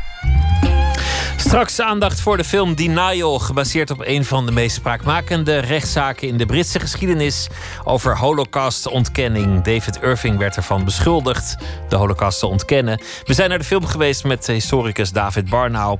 Martijn Maria Smits die komt vertellen over zijn film Waldstielen. Gaat over een uh, dorp in Brabant waar zich een familiedrama afspeelt. En Wanda Rijssel leest het nieuws bij de voorbije dag. Ze heeft een verhaal gemaakt en dat zal ze straks voordragen. Nu het culturele nieuws. De ceremonie liet hij aan zich voorbij gaan, maar Bob Dylan gaat de Nobelprijs voor de literatuur wel degelijk ophalen in Stockholm. Dat doet hij komend weekende als hij toch al in de stad is voor twee concerten. En dan uh, wipt hij meteen even langs bij de Zweedse Academie. En daar zijn media niet bij uitgenodigd. Kritiek is er uh, op het. Uh, 70ste filmfestival van Cannes. Op de poster van het festival is een foto te zien van Claudia Cardinale uit 1959. Maar het beeld is wat aangepast. Het is geretoucheerd. Ze is iets van haar taille kwijtgeraakt, zo'n 10 centimeter smaller. En ze hebben ook iets van de dijen afgehaald om te voldoen aan het hedendaags schoonheidsideaal is althans de lezing van de critici. Claudia Cardinale zelf zegt vereerd te zijn dat ze op de poster mag staan. Het gaat goed met schrijver Stefan Hertmans. Zijn roman Oorlog en Terpentijn kwam eerder deze maand al terecht op de longlist van de Man Booker prijs. En is nu ook genomineerd voor de Best Translated Book Award. En dat uh, gebeurt allemaal komende zomer, de bekendmakingen van de prijzen. Een film is tegenwoordig iets dat je bekijkt in de bioscoop of via uh, het internet, via Netflix of iets anders. En dat is jammer voor de echte filmliefhebbers, want waar vind je nog die pareltjes van vroeger? De films uit 1963, zeg maar, of de zeldzame documentaires. De handel in die dvd's gaat heel erg slecht. En een van de laatste filmwinkels van Nederland stopt ermee. Komend uh, weekende stopt Gep Hogeveen uit Amsterdam met zijn winkel The Silver Screen. Dit is de laatste keer dat hij nog wat zal verkopen komend weekende. Gep, goeienacht. Goeienacht. De Silver Screen heet uh, de winkel. Voornamelijke klassiekers kun je er vinden vanaf de jaren 20, maar dat is nu Ja, maar je kunt voorbij. er ook al... Mag ik even... Ja, ja, ja, ga je gang. Ja, je kan er ook uh, andere films vinden hoor. De jaren 20 tot en met 70 zijn misschien een beetje dominant. Maar ook alle nieuwe arthouse films en... Uh, klassiek, andere klassiekers van 80, 90 jaren zijn er ook te vinden. En maar ja, het... ik hoorde net in de intro iets over Netflix. En dat daar ook heel veel goede films te vinden zijn. Nou, op Netflix zijn maar heel weinig goede films te vinden. Een paar goede series. En dan heb je het wel gehad. Films, alleen maar moderne films, geen klassiekers. En nou ja, maar, maar goed. In de, in de volksmond wordt het genoemd net niks. Net niks. Maar, maar net Gep, niks. dit is droevig nieuws voor de, voor de filmliefhebber. Want, want oké, okay, alles verandert. Hè? De DVD is op zijn retour. Ja. En, uh, ja, zeker. En alles gebeurt online. Of, of je ja. het nou niks vindt of fliks vindt, dat, maakt natuurlijk niet zoveel uit. Nee, nee, nee. nee. Maar het slaat maar het wel is, een gat. probleem... Want waar moet je naartoe als je zo'n film uit 1963 wil zien? Precies. Het probleem is dus dat je het niet kan vinden online. Dat is het probleem. Een heel stuk geschiedenis valt dus weg. Er zijn natuurlijk best wel films die best wel te, vinden zijn. De grote klassiekers. Maar er zijn natuurlijk ook een heleboel andere films. En dat kun je dan B-films noemen. Maar die vallen niet in dat hokje dat je die makkelijk kunt vinden. Dus die ga je, dus uh, als die DVD verdwenen is, ga je die heel moeilijk nog vinden. Maar jij houdt ermee op, per wanneer? Ik hou ermee op aanstaande zaterdag al. 1 april. Ben je dan nog open of, of ben, je dan, ben je dan al dicht? Dan ben ik nog steeds open, ja. 1 april ben ik nog open. De laatste dag. En dan, dan, de laatste dag. En daarna ga ik alleen uh, verder als webshop. Maar het is, het is droevig nieuws. De grote uh, filmmakers, Quentin Tarantino, kwam ook wel eens bij jou bijvoorbeeld. Ja, die kwam ook in de winkel, ja, klopt. Ja, ja, ja. Die heeft toen nog uh, allerlei foto's gekocht, vreemd genoeg, van zijn eigen films. Heel vreemd is dat toch? Ja, dat is raar. Nou ja, hij houdt van zijn eigen werk in Blijkbaar ieder geval. kon hij daar dus niet goed aankomen, want anders zou je dat dus niet doen. Hoe lang heb je het gedaan? Ik heb het ruim 30 jaar gedaan. Ja. En nu? En nu ga ik dus verder als, uh, als webshop. Maar ja, dat is natuurlijk uh, best wel een alternatief. Maar wel veel minder leuk. Die plek waar mensen om raad konden vragen, waar ze konden zeggen hoe heette nou die film of welke film heeft uh, deze regisseur nog meer gemaakt, al, ja, dat wordt gewoon wat minder nu. Precies. Dat onder andere, dat, dat soort vragen kreeg ik inderdaad vaak. En dan kon je die mensen toch vaak een uh, stuk op, uh, op weg helpen. En ja, wat ik vooral zelf ga missen is dus het contact met de mensen. Want nu, nu ga ik dus bestellingen ontvangen online. En dan zit je bij een beeldschermpje. En dan verder is er niks. En wat ik ook een heel groot verlies vind... Kijk, er zijn een heleboel mensen... Als je online films gaat bestellen... Dat is natuurlijk prima. Maar als je naar een winkel gaat... Dan ga je door de bakken lopen. En dan kom je al... Precies vooral bij, bij de winkel die ik dus heb. Dan kom je allerlei dingen tegen... Waarvan je denkt... Hé, hey, dat is leuk. En dan hoppa... Dan neem je dat mee. En dat doe je dus online niet. Online ga je al alleen maar meestal gericht zoeken. Ja, maar wat, wat ik vooral jammer vind is dat er in, voor, voor de echte filmliefhebber, zowel in de, in de bioscoop als dus met, met de DVD, weinig plekken zijn waar je oude films nog kunt vinden. Dus wie geïnteresseerd ja. is in de geschiedenis van het medium, die, die ja. krijgt, het, uh, krijgt het moeilijker. Ja, nee, dat klopt, ja. Je krijgt nu nog heel veel mensen in de winkel, bijvoorbeeld van de, van de filmacademie, hè, studenten, die uh, van, door hun studie gewoon uh, ja, de geschiedenis van de film moeten studeren en daar allerlei voorbeelden van moeten zien. En dan komen ze dus met vragen over The Third Man, uh, met Orson Welles of andere filmklassiekers. Nou, dat wordt dus een stuk moeilijker. Gep, dat zijn dank... vaak ook heel jonge mensen. Ja, want die, die hebben dat toen niet kunnen zien. Gep, nee. dank je wel. Veel succes aanstaande zaterdag met de laatste dag. En uh, ja. dank je wel. Goeienacht. Dank je wel.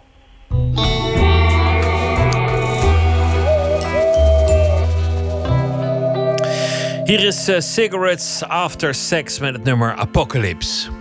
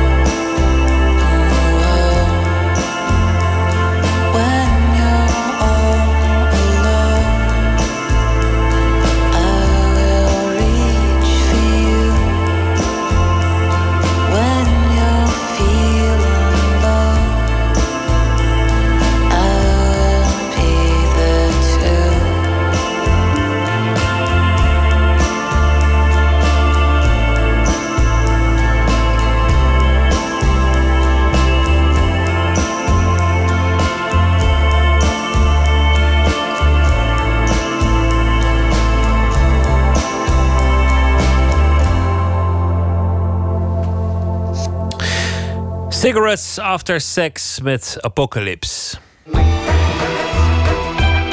Nooit meer slapen. Over de Holocaust zijn uh, talloze rechtszaken gevoerd. Meestal ging het dan om een dader te veroordelen. Als dat niet lukte, was er vaak iets anders aan de hand.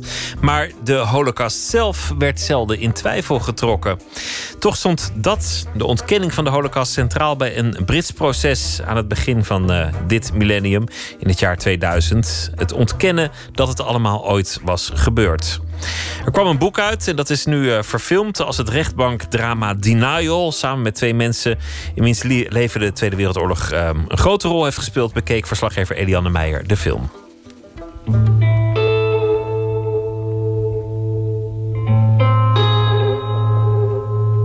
Als je, zeg maar, ik als Joodse vrouw ernaar zit te kijken, ik bedoel, die Auschwitz-geschiedenis, dan zie je dus ook die beelden van Auschwitz. En dan denk ik, ja, daar liep dus mijn oma. Het is gewoon mijn familiegeschiedenis. Al die vrienden en al die kennissen en al die familieleden die niet hebben overleefd, die dit ook hebben meegemaakt. En, en, en het, ja, die film heeft me gewoon geraakt. Chantal Suisse Runne kreeg een knoop in haar maag van de film Denial. Als programmaleider bij Nieuw Wij, een platform dat het denken in wij en zij wil aanpakken. En als vrouw die de Joodse geschiedenis met de paplepel ingegoten heeft gekregen. Een soort van opgekropt gevoel. Het is heel gek, maar um, ja, ze speelt het ook fantastisch. Hè? Uh, je ziet uh, zeg maar degene die Deborah Liebstad speelt. Rachel Weisz. Ja, Rachel Weisz. Die speelt die hele onderliggende gevoelensstroom die ze niet uitspreekt. Want het belangrijkste wat zij moest doen was eigenlijk niets zeggen. En dat was zo ingewikkeld natuurlijk. Zij moest haar mond houden, terwijl ze eigenlijk van binnen schreeuwde ze het uit. I don't believe you should testify. Why? B because you don't trust me? No, no, not at all. You think I'm going to get emotional? Well, uh, after today. Richard, we were at Auschwitz. De makers van Denial hebben geprobeerd het waargebeurde verhaal in een tagline samen te vatten. The whole world knows the Holocaust happened. Now she needs to prove it. Zoiets was het ja. Toen midden jaren 90 de Britse Holocaust-ontkenner David Irving de Amerikaanse historica Deborah Lipstadt aanklaagde. Wegens smaad. Zij had hem een Holocaust-ontkenner genoemd. En nu, zo zei Irving, wilde geen enkele uitgeverij meer zijn boeken hebben. Het raakt me ook heel erg eigenlijk wat die David Irving dan zo op zo'n koele, afstandelijke manier... maar ook met zijn woede en emoties daarin van, van zijn eigen gelijk. Ik vind dat, dat vind ik toch wel eng, dat iemand het zo belangrijk vindt om de holocaust te ontkennen... dat hij zich dan in zijn eer uh, zeg maar, geschaad voelt... en dan iemand een rechtszaak aan... Ik vind het echt ongekend. Ik kan er gewoon bijna niet bij. En wat ik bizar vind is... natuurlijk is het een gemarginaliseerde groep... en de meeste mensen zullen dit bizar vinden. Maar er zijn ook echt wel mensen die dit heel gaaf vinden. Er zijn gewoon nog steeds congressen van mensen... Die, van, van, die, van die soort van ontkenners. En hun motieven zijn bijna nooit... laten we het eens even gezellig een dagje over de geschiedenis hebben. Er zit altijd iets van antisemitisch of racistisch of extremistisch motief achter. Dat vind ik eng. Wat eh, merkwaardig is in een film, of ook in de werkelijkheid... dat een rechter een historische waarheid moet bepalen. David Barnau is Tweede Wereldoorlogkenner, oud-voorlichter van het NIOD en vooral bekend als Anne Frank-expert. Liever had hij gezien dat deze rechtszaak er nooit was geweest. Want door een vreemde twist in het Britse recht werd er ineens voor de rechter een debat gevoerd over het wel of niet bestaan hebben van gaskamers in Auschwitz.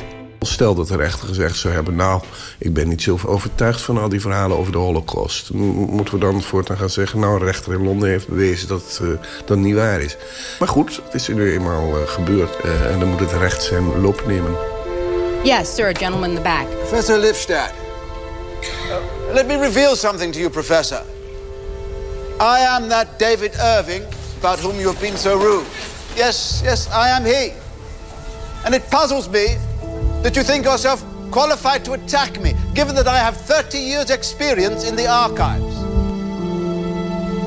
Een, een van de dingen waarom die David Irving en die anderen die Holocaust aanpakken, is dat die mensen een heel positief beeld van Hitler-Duitsland hebben. Die zien Hitler-Duitsland als een land waar orde en rust heerst. Waar werkloosheid is opgelost. Waar de communisten in de gevangenis zitten. Dus echt een nou, paradijselijk land. Eh, die oorlog die is eigenlijk door de geallieerden uitgelokt. Maar er zit een klein probleempje, dat is die holocaust. Dat zeggen mensen, ja, kan wel mooi, je kan wel mooi over Hitler praten. Maar hoe zit dat dan? En dan wordt gezegd, nou, Hitler wist er niks van. Dat is de eerste verdediging. En ten tweede, het heeft niet bestaan. Ja. Nou, die moet je... En dus passen ze dat aan, zodat Ja. dat geen, niet in de weg zit in, in een Ja. ideologie eigenlijk. Ja, dat, dat is de ene kant. Maar er zijn ook holocaustontkenners die, als ze onderling zijn... dat ze zeggen van Hitler had al die joden moeten uitroeien. Dus die weten verdomd goed dat het heeft plaatsgevonden. Some people are saying that the result of this trial will threaten free speech. Now, I don't accept that. I'm not attacking free speech. On the contrary, I've been defending it against someone who wanted to abuse it.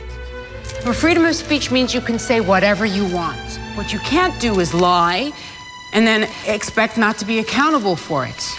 Not all opinions are equal. Als ik de trailer van Denial op YouTube opzoek, schrik ik van de eindeloze rij ronduit hatelijke reacties eronder. 5000 dislikes. Chantal Suisse-Runne hoort het ook in haar werk voor Nieuw Wij.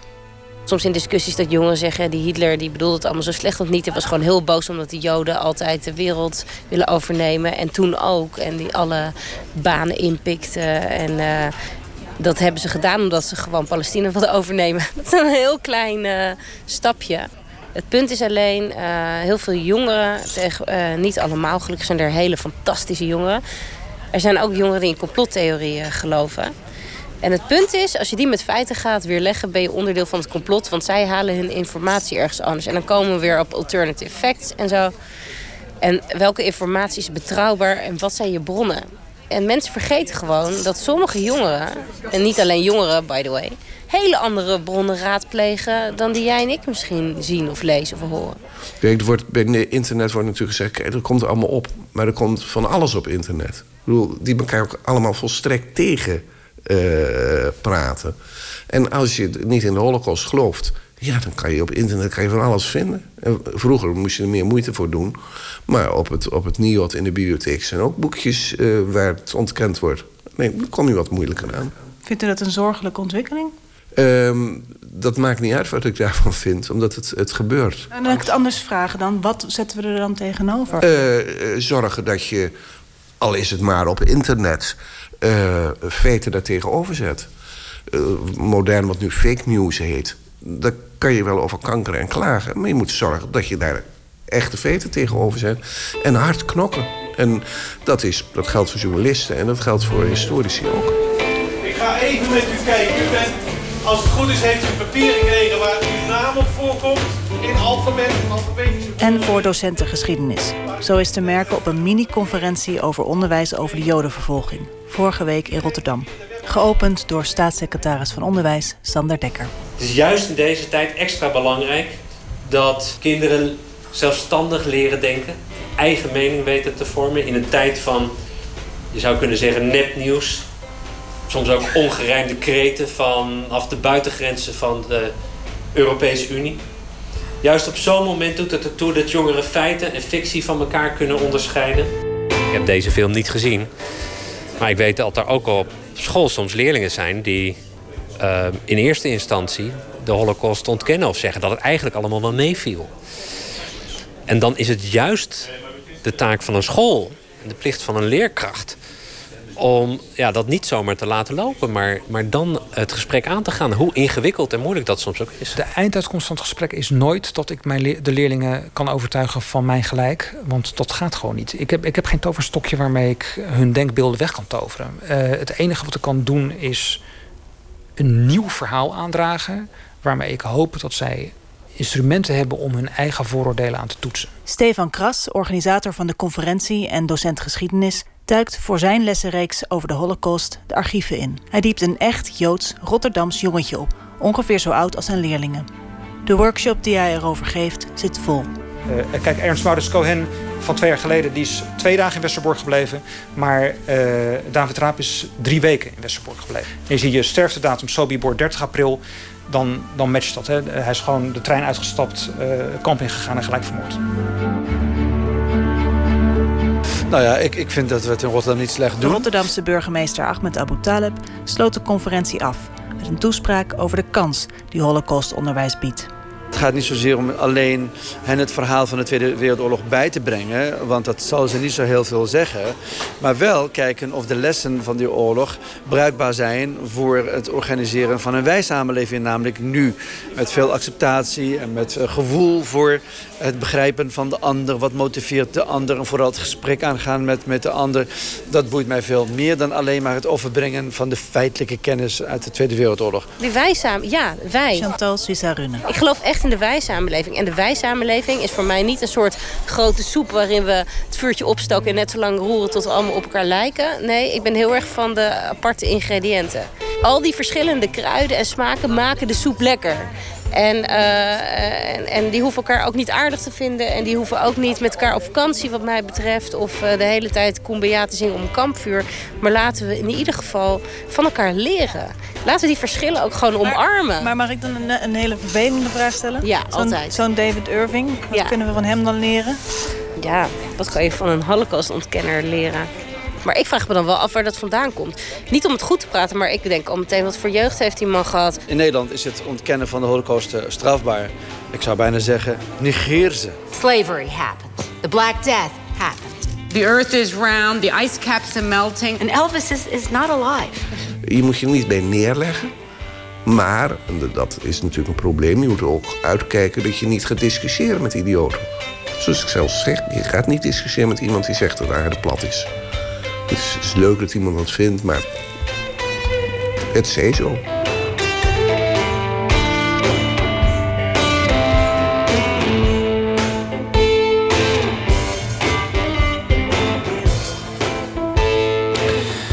Als laatste hoorde u historicus David Barnau over de film Denial vanaf 6 april te zien in de bioscopen. Dit was een bijdrage van Eliane Meijer. Soulzangeres Lady Ray nu met het eh, nummer Guilty. Dat gaat over haar broer die in de gevangenis terechtkwam. En zij bedoelt het eh, om hem een hart onder de riem te steken. Guilty.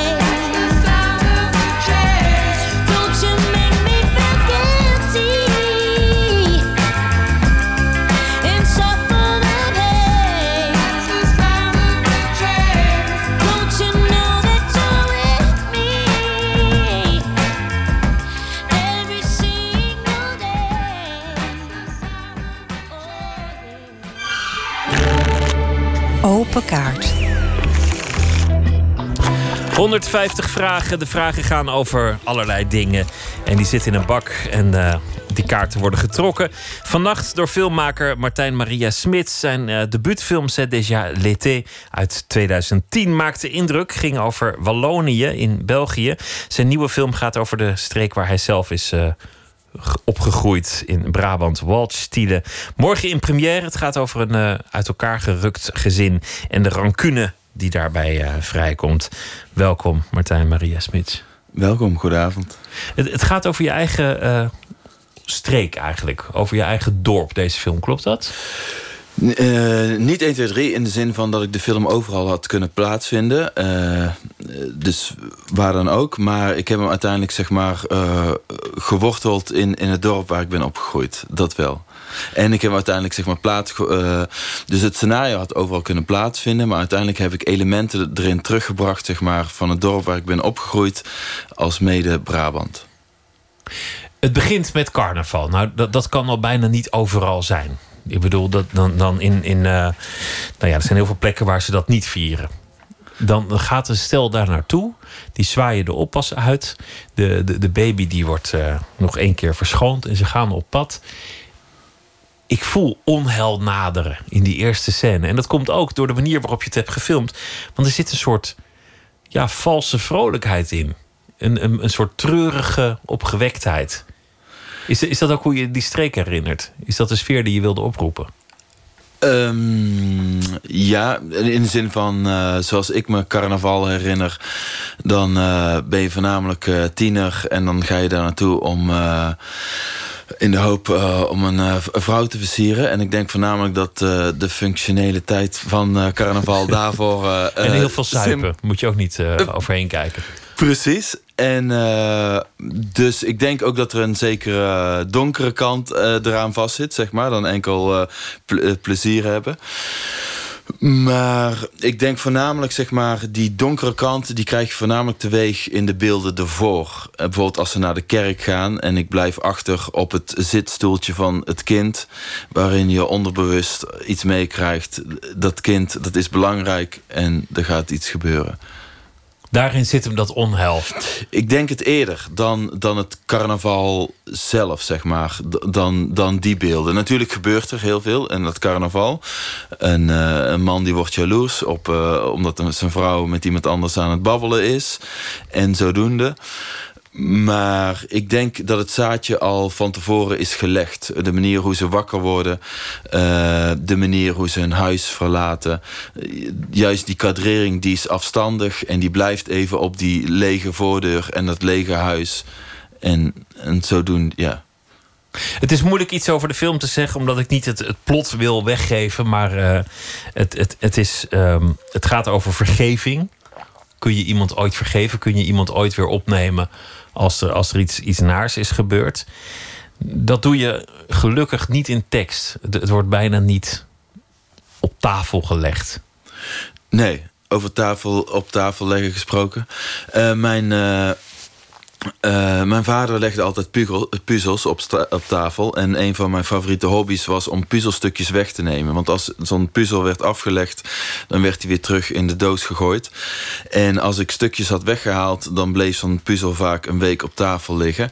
In de hoop dat er ooit nog wel eens die puzzelstukjes zeg maar, terug werden gevonden. Wat ik dan ook sporadisch deed.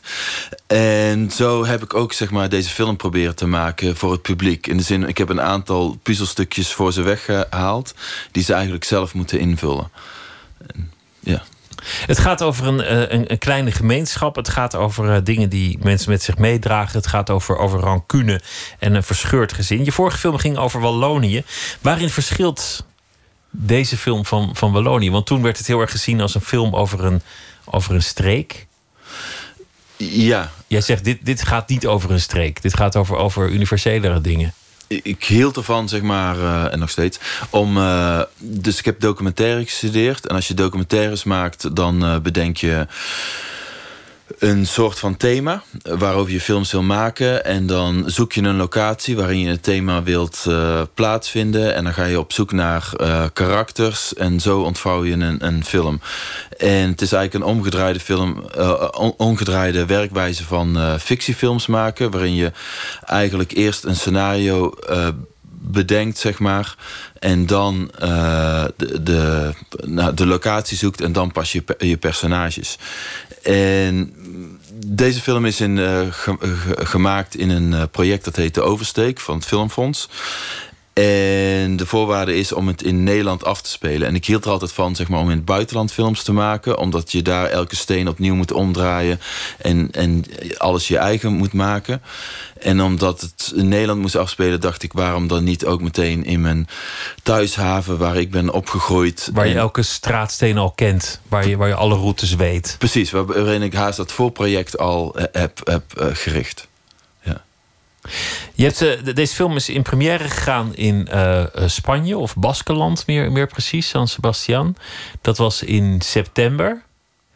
Dan heb je de film gedraaid, uh, nou ja, alweer het jaar daarvoor vermoedelijk. Ja. En nu gaat hij in Nederland in première. Dat, dat, dat, dat lijkt me zo raar voor een filmmaker. Dat er zoveel tijd tussen zit. Tussen de laatste draaidag en het moment dat dan die, die, die Nederlandse première komt. Ja, en bij deze film is het extreem. En ik heb het ook nog nooit zelf eerder ervaren. In deze lengte, zeg maar. En uh, uh, wat, wat ik ook zelf doe, zeg maar... Dus ik heb mijn film ook nooit meer zelf gekeken. In de zin van de laatste keer dat ik hem zag... was in de geluidmontage. Wat al meer inderdaad als een jaar geleden is. En uh, dat doe ik omdat ik bang ben. Uh, omdat als ik opnieuw de film zou kijken... dan zou ik hem opnieuw willen veranderen. Waar ik nogal uh, losse handjes in heb. En, maar het, dus bijvoorbeeld vandaag had ik een première in het Ketelhuis in Amsterdam. Waar een vraag werd gesteld omdat ik hoofdstukken introduceer.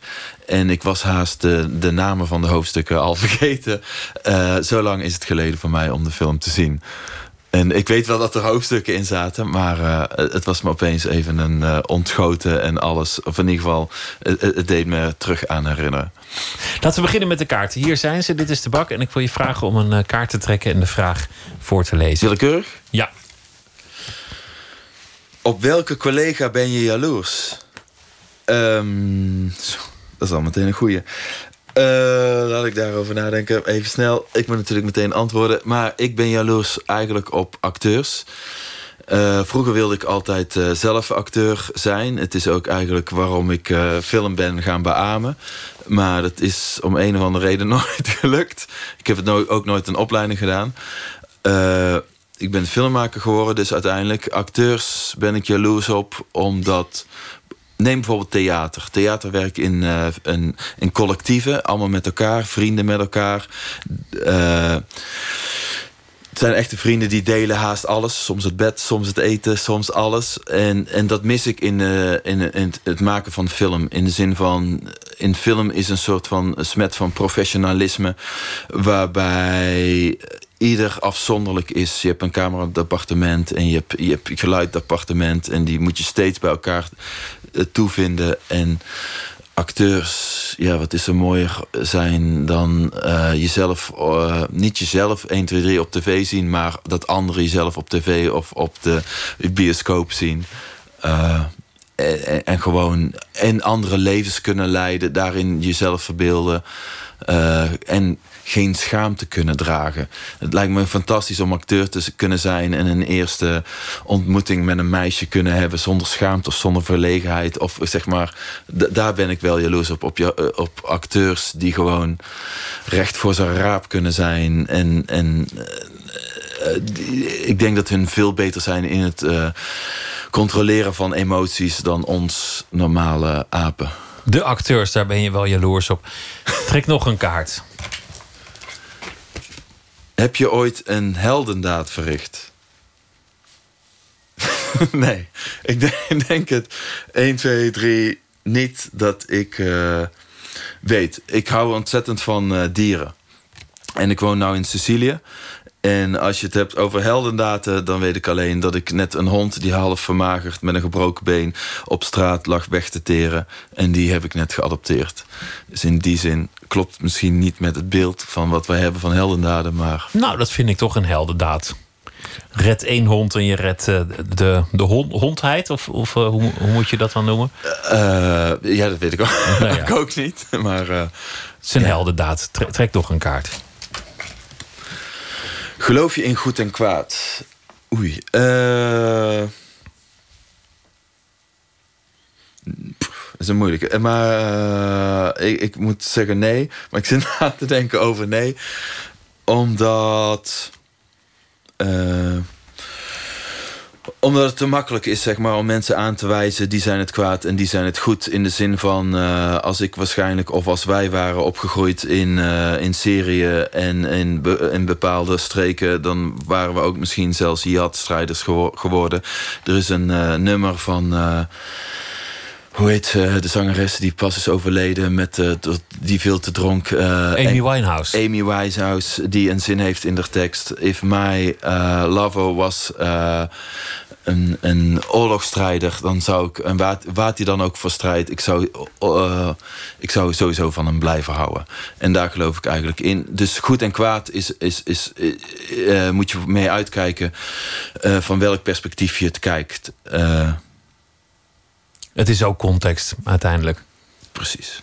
Laten we nog geen uh, beantwoorden. Wat verwacht je van de komende tien jaar? Uh, ik hoop nog steeds dat ik de lotto ga winnen, maar dat uh, zit er ook waarschijnlijk niet in. Uh, wat hoop ik van de komende tien jaar? Ik hoop dat ik betere films ga maken. De enige droom die ik altijd heb sinds ik filmmaker ben... is naar Cannes gaan of Berlijn, Venetië... en daar in competitie terechtkomen. Nou, dat is een mooie, mooie, mooie ambitie alvast. En, maar je woont in, op Sicilië, zei je? Ja, ik ben daar sinds uh, twee maanden naartoe gegaan. Ik heb daar een huis gehuurd. Ik heb eigenlijk niks meer te doen dit jaar. En uh, ik kan in Amsterdam uit mijn neus gaan eten uh, of in Sicilië. En toen dacht ik, dat is misschien een betere keus. Plus, ik dacht, mijn ouders zijn tegenwoordig met pensioen. En ik zie ze nu in allerlei mankementen verkeren. Waarbij ik dacht, misschien moet ik nu een jaar met pensioen... en dan werk ik straks wel, als ik 70 ben, een jaar door. Je kunt het beter doen als je jong bent, want dan heb je nog de, de conditie lichamelijk ja. om dat te doen. Zullen we nog één laatste vraag doen? Wanneer heb je voor het uh, laatst hard gelachen? Daar was ik al bang voor. Uh, die werd als voorbeeldvraag aan mij gesteld, ge-mailed.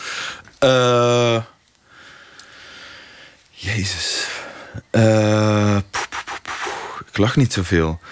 En, ik heb je al drie keer zien lachen vandaag. Ja, ja, ja, ja, maar om dan... Ik lach dus ontzettend veel. En ik moet ook heel vaak lachen. Maar om dan een specifiek moment te noemen... Uh, dat vind ik toch wel lastig. En ik denk dat ik er nou 1, 2, 3 niet op zou kunnen komen. Um, uh, ik moet het natuurlijk uh, dichtbij zoeken, maar... Ah ja. Nou, nee, daar heb ik ook niet op. maar is een treurige lach. Uh, mijn uh, oom, uh, die, net zoals iedereen in Brabant, die drinkt iets te veel. En die eet te veel. En, maar aan de, mijn oom, zei ik. En mijn oma, aan de andere kant, die is 97. En er werd gesproken dat mijn oom in mindere mate zich minder voort kon bewegen dan mijn oma. En dat mijn oma bang was dat hij eerder uh, te overlijden zou zijn als hem. Er valt weinig over te lachen. Maar uh, als je mijn oom kent, dat een heel, hele aardige kerel... dan plaats je het in een ander uh, perspectief, context. En ik weet niks anders. En daar moest je, daar moest je om lachen. Dankjewel. Walt Stielen heet de film en hij is vanaf morgen te zien in de bioscoop. Martijn Maria Smits, dankjewel. Dank je.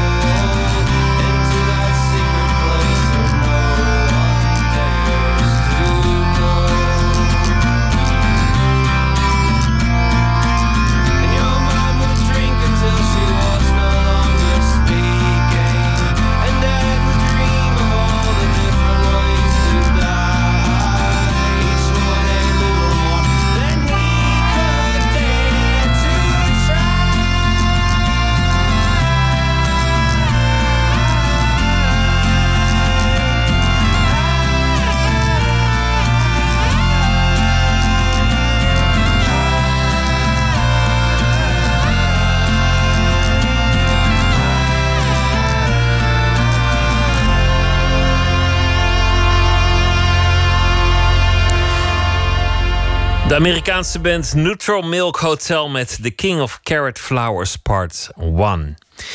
Eén minuut een reeks verhalen in 60 seconden en deze heet Mijn Nummer. Ik weet zeker dat als ik een bepaalde combinatie, 6, 9, 3, 4, ergens inzie dat er zo'n schokje door me heen gaat vinden. Het is mijn nummer gewoon.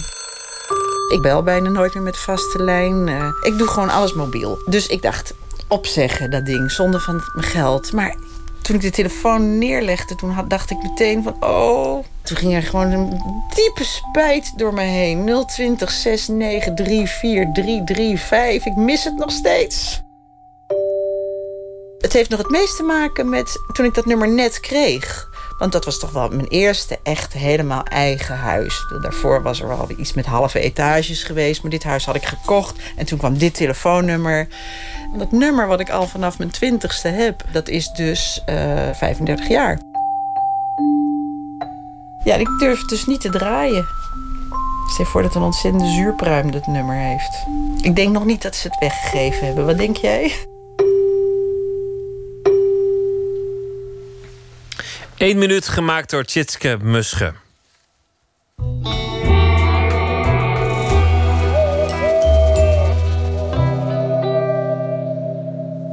Wanda Rijssel is deze week onze huischroniqueur en zij zal elke nacht een verhaal voordragen, geïnspireerd op een gebeurtenis van het afgelopen etmaal. Wanda, goeienacht. Goeienacht, Pieter. We begonnen met het eh, boekenbal en eh, onderweg hebben we het gehad over eh, politiek en we hebben het gehad over. Goh, we hadden het gisteren over. Internet, het internet. Het internet, ja. Ja, het is, een beetje, het is een beetje gek. Daar ben ik eigenlijk eh, vanavond eh, ook wel eh, bij blijven hangen. Ik weet niet of het komt misschien door de tweets van Trump of door de Russische hacks. Maar het, het lijkt alsof, alsof er meer en meer ruimte, ook in de kranten, wordt ingeruimd voor de gevaren van internet. En eh, nou was er zelfs weer een mielenvaatwasser in een ziekenhuis die gehackt eh, kon worden. En ehm, het, het eh, raar is een beetje dat we ons lot leggen in handen van techneuten. Ehm, heb ik het gevoel. en dat is ook wel sterk. Maar hoe Ja, dat is was dat mooi. wel juist? Ja, dat was een mooie kop ook. De, de, de, de, de, de vaatwasser die lek was. En die was, dan, was dan online lek. Ja, ja, lekker. Ja. nou ja, in ieder geval, ehm, ik heb eh, daar een, ehm, vandaag een, eh, een berichtje over Elon Musk eh, gevonden. Dat is deze, de man van, van Tesla en van, die graag Mars wil gaan koloniseren, daar 80.000 mensen wil neerzetten. En eh, dat zijn bijzondere mensen en daar heb ik dan een stukje over gemaakt. Want hij wil nu ook eh, gedachten lezen. Niet dat hij dat kan, maar, de- maar de, de kop was dat, dat als het aan hem zou liggen, zou dat mogelijk worden. Want hij zag reusachtige mogelijkheden. Nou, die zie ik ook wel. Maar, eh, Maar- hij maar- zag ze ook. Ja, maar de vraag is natuurlijk hoe, eh, ja, hoe, eigenlijk, hoe autistisch is, eh, is zo iemand, hè? Ehm, want je, je weet, eh, dat weet je waarschijnlijk niet, maar eh, ehm, bijvoorbeeld rond Eindhoven worden meer dan normaal ehm, meer, meer autisten geboren dan, eh, dan elders.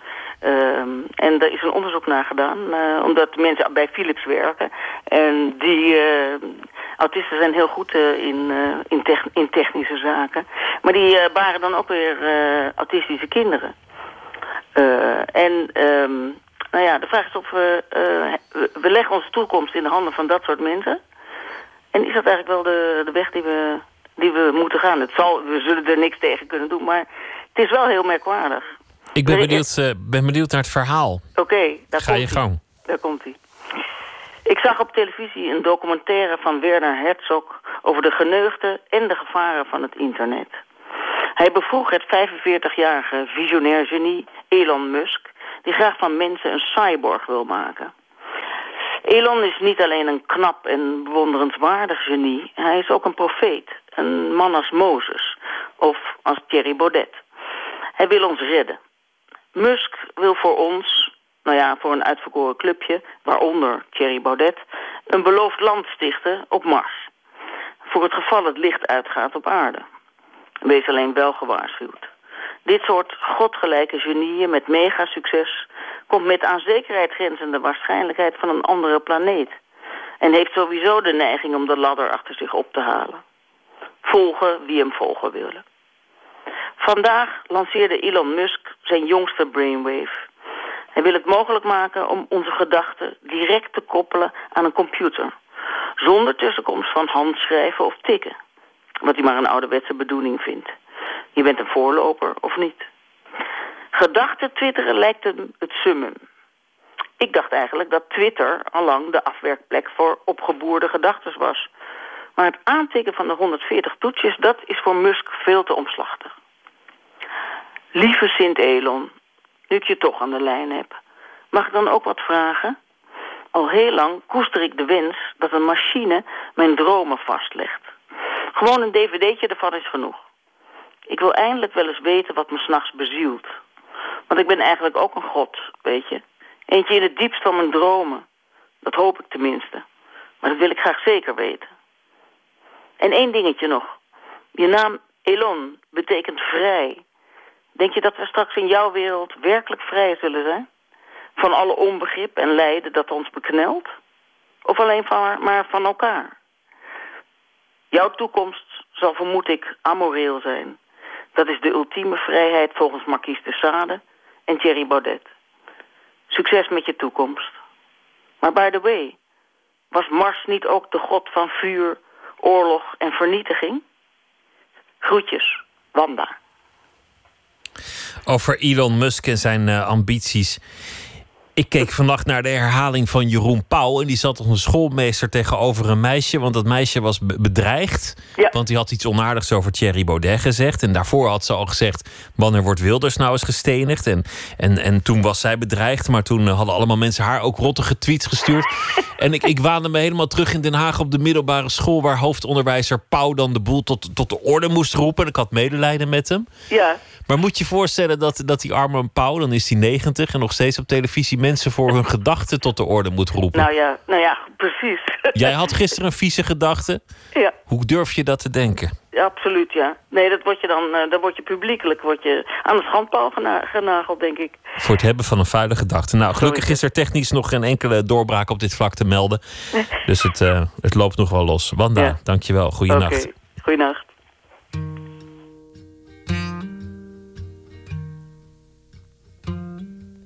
As lonely as these days are long,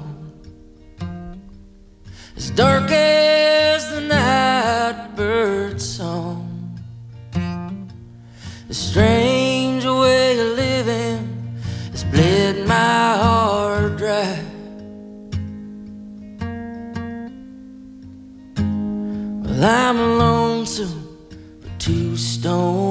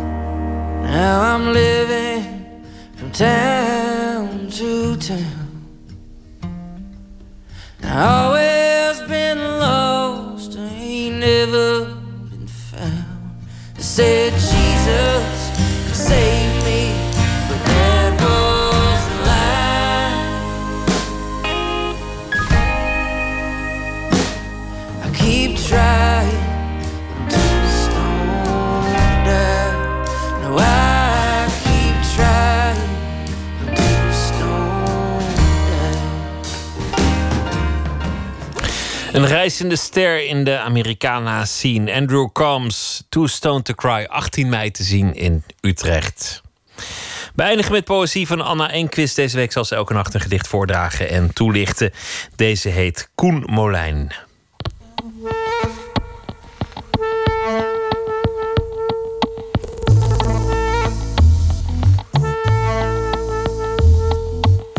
Koen Moulijn. Als je dan doodgaat, staat er een leger op de koolsingel. Laten mensen hun vensters bedekken met spandoeken waarop jouw beeld. Ze roepen je naam en ze werpen met bloemen. Zwaaien met fakkels langs oevers en bruggen. Schepen spuiten waaiers van tranen de nacht in. Het nieuws toont in zwart-wit de beker. Geluk dat jij gaf aan miljoenen. Dat lukt bijna niemand. Je trekt met je schouders. Ik zou het niet graag, zeg je, overdoen. Ze verstaan je verkeerd. Je zwemt in hun vreugde, verering of liefde. Je bent je kind kwijt. Je bent moe. Ik heb eh, in mijn eh, leven als dichter vaak voetbalgedichten geschreven voor het eh, literair tijdschrift Hard. Dit is daar eentje van.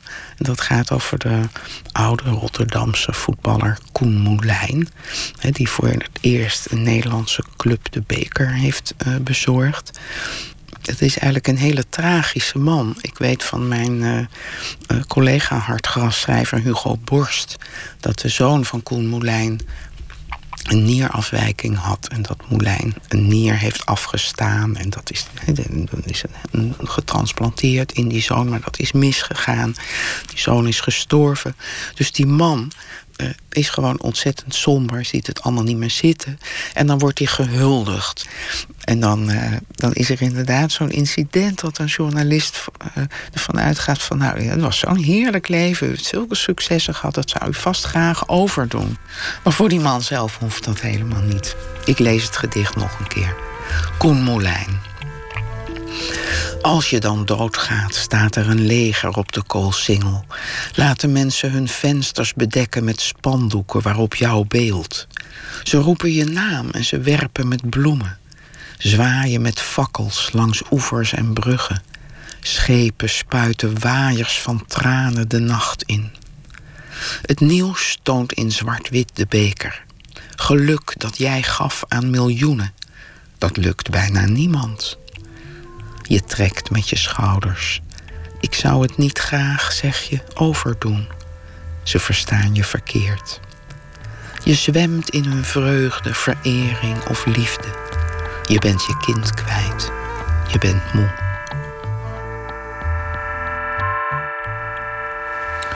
Anna Enquist las het gedicht Koen Molijn. Morgen in Nooit meer slapen komt filosoof Koen Simon op bezoek. Hij heeft een nieuw boek in de maand van de filosofie. Oordeel zelf heet dat. En het gaat over het vermogen zelf na te denken en een eigen mening te hebben. En het verstand zelf optimaal te gebruiken. Dat allemaal morgen. En voor nu een hele goede nacht.